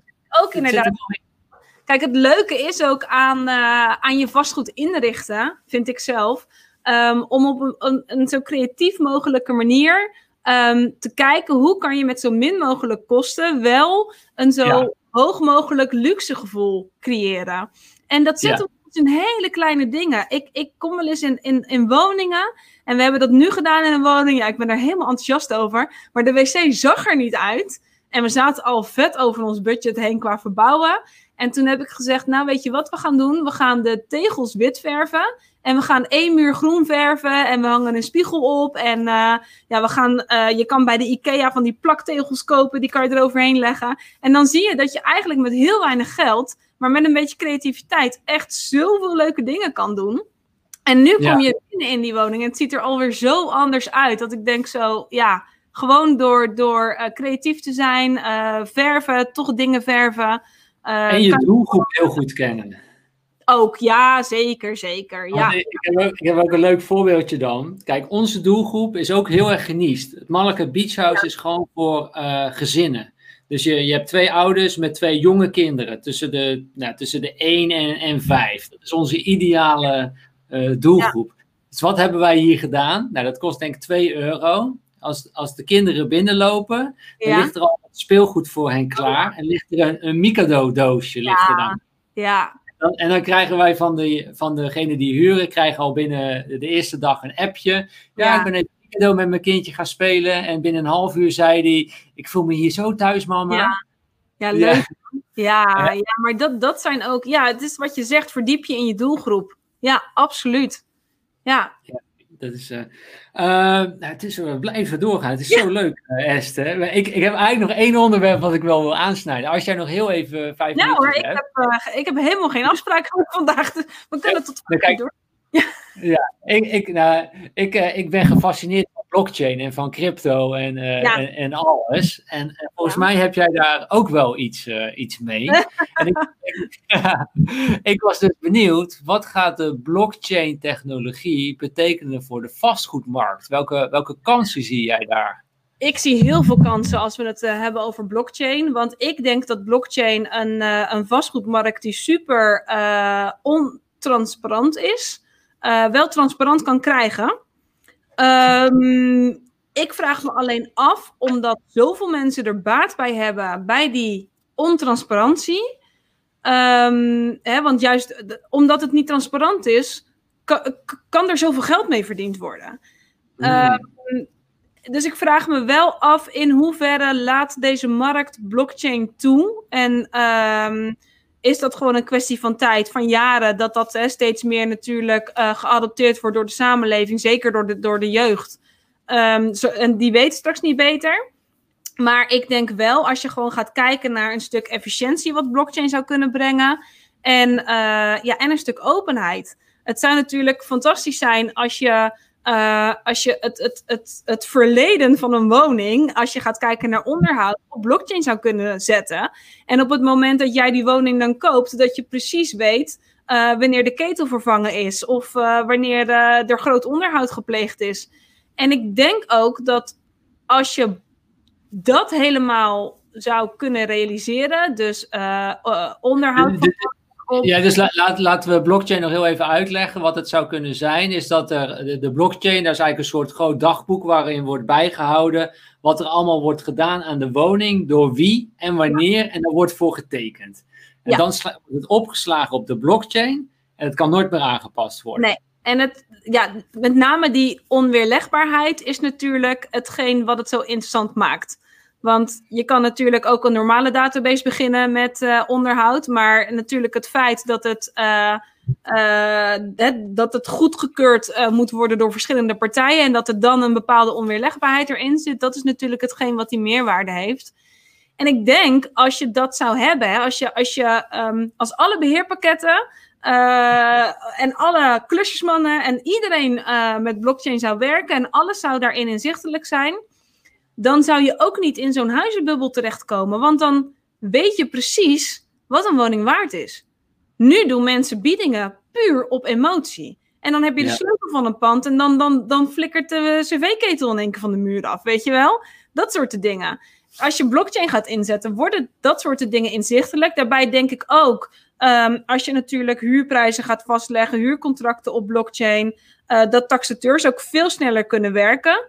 Um, je zou een heel groot probleem oplossen in VVE-land. Want dat is natuurlijk helemaal dramatisch met alle uh, documenten. Als je een woning gaat kopen, dan ben je het langst bezig met je VVE-documenten. Om dat allemaal rond te krijgen en op te vragen bij VVE. En dat staat gewoon allemaal in die blockchain. Staan die documenten vast gedocumenteerd. En gewoon een heel netjes dagboek, overzichtelijk.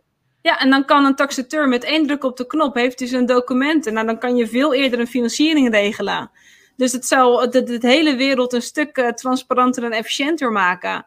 Maar tegelijkertijd zie ik wel dat de vastgoedtak uh, in Nederland super conservatief is. Uh, wij, wij tekenen onze huurcontracten digitaal. Nou, dat is al een hele schok voor sommige mensen dat we dat doen. Um, ik, ik, ik vond het laatst, we hadden een paar weken geleden hadden wij uh, Um, of, of, werd er heel groot aangekondigd dat er een webinar was over, uh, met de gemeente Rotterdam. En dat ging dan over screenen. En uh, nou, er waren twee makelaars aan het woord en die gingen dan vertellen hoe ze screenden. En die gingen dan vertellen dat ze nog steeds 25 documenten gingen beoordelen. Terwijl wij alles al via DigiD wegtrekken bij brondocumenten. En ja. dan denk ik echt van, nou, als, als als dit al zo groot wordt aangekondigd en degene die er zitten, die vertellen nog steeds dat, dat, ze, dat huurders naar kantoor komen met losse documentjes, dan valt er nog veel te winnen in vastgoedland. Ja, mooi hè?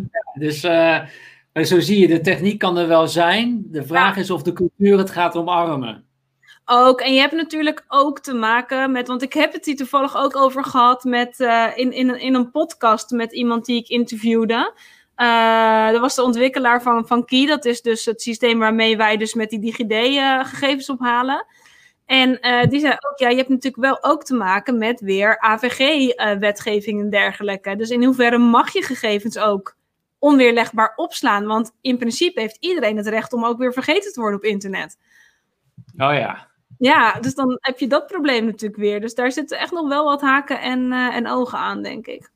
Nou, iets interessants wat we, ja. waar we wellicht in een vervolggesprek nog eens over kunnen hebben. En of er wellicht ook wel een, een, een crypto vastgoedmunt komt. Waardoor je kunt ja. investeren, crypto munten kunt kopen die gedekt zijn door vastgoed. Kijk, ik weet wel, daar zijn initiatieven. Sterker nog, wij zijn daar zelf ook mee bezig geweest. Met security tokens en alles.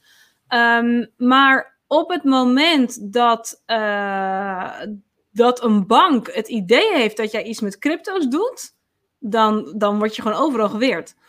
Ja. Dus, dus het ja. is nog, uh, ik denk het is nog te nieuw, maar wat jij zegt, die initiatieven, die zijn er wel hoor. Ja, ja, kijk, en nu kunnen de banken het nog tegenhouden door de, ja. de positie die ze hebben. Maar zij voelen ook wel de hete adem dat ja. ja hun, hun, dienstverlening ook moeten gaan veranderen. En meer moeten gaan kijken, wat is mijn toegevoegde waarde nog als bank? Ja, uh, aan, aan, mijn klanten. En, en ja, daarom ja. weren ze het natuurlijk. Dat is de makkelijkste manier, ja, denk ik. Ja, het is eng en het is nieuw. En uh, ja, en alles wat nieuw is, is natuurlijk eng en moet geweerd worden. Want laten we het vooral op de oude manier blijven doen. Ja, en ook gewoon, uh, ja, mensen hebben ook toch wel een beetje baat bij het feit dat, uh, dat het zo ontransparant is. Ja, ja. nou interessant. Uh, Esther, super bedankt voor je, voor je komst naar deze live show, voor alle kennis en ideeën die je met ons hebt gedeeld. lieve luisteraars, laat even in de chat weten, wat heb je geleerd van deze live show? Laat het even weten aan ons, vinden wij leuk om te, te weten. En volgende week vrijdag is er ook weer een nieuwe live show. Vrijdag 4 december, uiteraard om 12 uur. En we gaan het dan hebben over geld verdienen met je podcast. En ah. daar heb ik Nederlands, uh, de Nederlandse podcast-expert Mirjam Hegger heb ik daarvoor uh, voor uitgenodigd. En ik vind het eigenlijk wel heel erg leuk. Ik zag het eigenlijk in deze live show ook al terugkomen. Dat um, Esther is zelf ook gewoon begonnen met, met bloggen. Uiteindelijk is dat gegroeid naar een podcast. Ze is gewoon vanuit een passie over vastgoed, is ze kennis gaan delen, is ze beweging gaan opzetten. En uiteindelijk is daar gewoon een heel mooi bedrijf uit voortgekomen. Ja. En, en dat denk ik ook, als je ergens een passie voor hebt, een expertise in hebt, dan kan een podcast opzetten, gewoon vrij, zonder iets terug te verwachten. Kan er iets heel moois zijn, waardoor je een hele bewe mooie beweging opzet waardoor je met heel veel mooie mensen in contact komt. En uiteindelijk kan dat ook nog eens een interessant uh, verdienmodel uh, worden. Nou, dus daar, uh, live show, want onze podcast die gaat wel lekker. Dus wij zitten nu op 16.000 downloads. Yeah. Streams kunnen we nog ineens tellen, dus ik heb geen idee. Maar degene die het produceert, die zegt dat het heel goed gaat. ja maar dat is wel iets waarvan ik denk, ja, hè, als ik later uh, groot ben en van mijn vastgoed kan leven, wat zou ik dan nog willen blijven doen? En dan, uh, dan zit het wel dat ik denk van ja, kennis blijven delen. En, en die podcast zou ik wel echt verder willen uitbouwen. Lijkt me super tof. Ja, ja, maar dat vind ik ook mooi dat je dat zegt. Ik ervaar dat als hetzelfde. Dan later als je groot bent en uh, wat zou je dan nog blijven doen van alles? Dan is onder andere die podcast. Ja. En voor mij is het dan onder andere deze ja. live show. Ja, dat, ja. Is, dat is gewoon zo waanzinnig. En ik, ik ben er dus in uh, maart mee uh, gestart. Eigenlijk toen de corona begon. En wij zaten hier thuis en ik dacht, dat ga ik doen. Ja. En toen dacht ik, we gaan... ik wilde eigenlijk altijd al een soort tv-show of een, een live show hebben. Ik denk, nou, dit is het, is Ja. het moment. Nou, 35, 33 afleveringen, voor 32 afleveringen verder. Ja. En het is ongelooflijk hoeveel ehm, deuren er ook door open gaan. Door gewoon iets te organiseren voor iemand anders gaan er absoluut. zoveel deuren open. Ja. Je leert, ik, ik leer er misschien zelf nog wel het meeste van. Ik vraag natuurlijk ook de dingen waar ik zelf tegenaan loop. Ja, ja, ja. Ja, Eh, ja maar en dan, slim. En ik vind ook eh, gewoon, het, het is, en dat als we het even hadden in het begin over wat heb je geleerd uit je, uit je faillissement. In het leven is het, het is geven en krijgen. Het is niet geven en nemen. Het is Ja. niet dat je kan geven en dat je dan automatisch iets terug mag verwachten van een ander. Maar als jij je zo opstelt van ehm, het is geven en krijgen. Dus ik, ik geef en ik heb er geloof in dat als ik geef, dat ik daar uiteindelijk voor terugkrijg wat ik verdien. zo werkt het ook, zo werkt het gewoon echt. En ik heb dat gewoon aan de lijf ondervonden dat het zo werkt. Ja, dat, en dat, is de reden dat, dat, uh, ja, dat ik vaak in het begin, zeker toen wij in die opbouwfase zaten, ja, uh, dat je s'avonds nog je telefoon opneemt voor klanten. Ik heb heel vaak dat mensen tegen mij zeggen, ja, je bent knettergek dat je dat nog doet in het weekend. Maar ik weet wel dat dat misschien juist wel net het verschil is tussen wel succesvol zijn en niet succesvol zijn. Ja, en, en later heb je de mogelijkheden gekregen om dat slimmer in te rechten en om met je team dat op te pakken. En dat je nog steeds die hoge klantenservice kunt, kunt leveren. Ehm, en, en het begint ook wat jij zei van je moet gewoon ja, telkens weer heel goed je doelgroep weten. Dat je de juiste klanten aantrekt. En dat ze, als ze dan ook bellen, dan weet je ook, er is ook iets. En dan, dan wil, je, wil, je, het ook oplossen voor ze. Ja, ja, maar dat is ook zo. En ik heb met heel veel klanten, uh, zeker van het eerste uur, ja, die, die zijn ook al vijf jaar bij ons. En denk, ja, dat is ook niet voor niets dat die mensen nog steeds klant zijn. Um, ja. En ik heb ook met verschillende klanten, dat, ja, daar gaan wij uh, inderdaad ook wel eens gewoon mee eten. Of uh, ja, daar bouw je toch een andere band mee op dan, dan echt puur klant-leveranciersverhouding. ja, en het is ook gewoon vastgoed is ook mooi. Het is ook gewoon. en het is mooi dat je dit ook samen kan doen. Ik denk dat dat een van mijn lessen ook is vandaag met jou, Esther. Is om vastgoed niet zo. Vaak zie je. Als dat kleinere particuliere beleggen, denk je dat je vastgoed voor jezelf doet. Maar waarom doe je vastgoed mm -hmm. niet samen? Ja, je dat... kan juist, nou ja, het goed hè, als we dan toch in de spreuken zitten, wie kan delen kan vermenigvuldigen. Maar ja, um, ja tuurlijk. Ik, ik denk ook dat je, zeker als je wat groter wordt, dat diversificatie aanbrengen ook heel goed is. En dat kan dan ook zijn dat je enerzijds een paar panden alleen hebt. En anderzijds dat je gaat kijken van, joh, met welke partners is dit, is dit leuk om samen te doen? En dan kan je ook grotere projecten gaan doen. Als je, als, ja, natuurlijk als je dat leuk vindt. En niet iedereen vindt dat leuk. Laten we dat even voorop stellen. Ja. Dus ja. Uh, ja. ja. Nee, maar Nicole en ik hebben wel die passie. We hebben wel dat de passie voor, voor, voor, voor stenen, voor vastgoed. Ja. En we lopen door zo'n stad en zitten te kijken en vinden dat mooi. En weet je, met ons eigen huis van niets iets maken en dat je dan verhuurt en dat je dan vijf sterren krijgt. Daar, ja, dat is gewoon een kick. Ja, dat is, ja. tuurlijk. En dan wil je ook elke keer natuurlijk uh, ja. daar weer overheen. Ja, ja, dus dat is uh, mooi. Uh, ja. Esther, als vriend van de show wil ik je graag nog iets, uh, iets aanbieden. En ik ga het er eventjes bij pakken. En je bent natuurlijk vriend van de Follow Your Wind live show. En ik wil je graag een Follow Your Wind t-shirt aanbieden. Kijk eens, kijk eens. eens even kijken. We hebben twee. We hebben, de, we hebben een sport t-shirt. Dat is met Mission Impossible erop. En we hebben het gewone dagelijkse t-shirt. ik wil deze. wel graag de sport. De sport, deze. Ja. Ah, Oké, okay. top. Ik heb een naast die... ook een vastgoed voor, of een passie voor paarden. dus, oh, mooi. Ook die mooi aan als ik op mijn paard zit. Ja, dan ben je echt op een missie als je op het paard zit. Daarom. Ja, nou ja. dan ben ik op missie. een andere missie, maar goed. Ja, mooi. T-shirt gaat naar jou uh, toekomen. Oh, leuk, dankjewel. Ja, hartstikke bedankt voor je, voor je tijd. Uh, ja. Iedereen ook hartstikke bedankt voor, uh, voor het kijken. Morgen dus sturen we de Follow Your Wind items zonder verzendkosten naar je op. Mocht je daar interesse in hebben, followyourwind.com. Daar vind je onze t-shirts, onze hoodies, onze sweaters. Uh, die uh, met uh, Mission Possible ook. Dus even kijken. JW die zegt nog: geleerd, begin niet zomaar aan vastgoed. Zorg eerst voor veel eigen vermogen. Pas op voor puntenwoningen en de wetten en regels. Zorg goed voor je huurders, dan zorgen ze goed voor jouw vastgoed. Dat is ook een hele mooie. Dat is inderdaad een, een mooie. En ik zou daar nog wel aan toe willen voegen: zorg goed voor je huurders. Um, in die zin dat je dus hè, zorgt dat je vastgoed goed in orde is. Um, ja, maar zo werkt het eigenlijk in alles hè, in Nederland. Zorg altijd dat je iets geeft wat iemand niet verwacht. Uh, maar ik zie ook wel eens dingen voorbij komen van uh, je moet al je huurders een cadeautje geven met kerst. Zover hoef je in principe niet te gaan. Nee, ja. Nee. Exact. Mooi. Uh, dankjewel iedereen. En ik zou zeggen inderdaad, fijn weekend. Ja. Jullie ciao, ciao. Blijf, blijf en, nog even hangen, Esther. Dan zijn we zo offline. Bedankt iedereen. Ciao, ciao.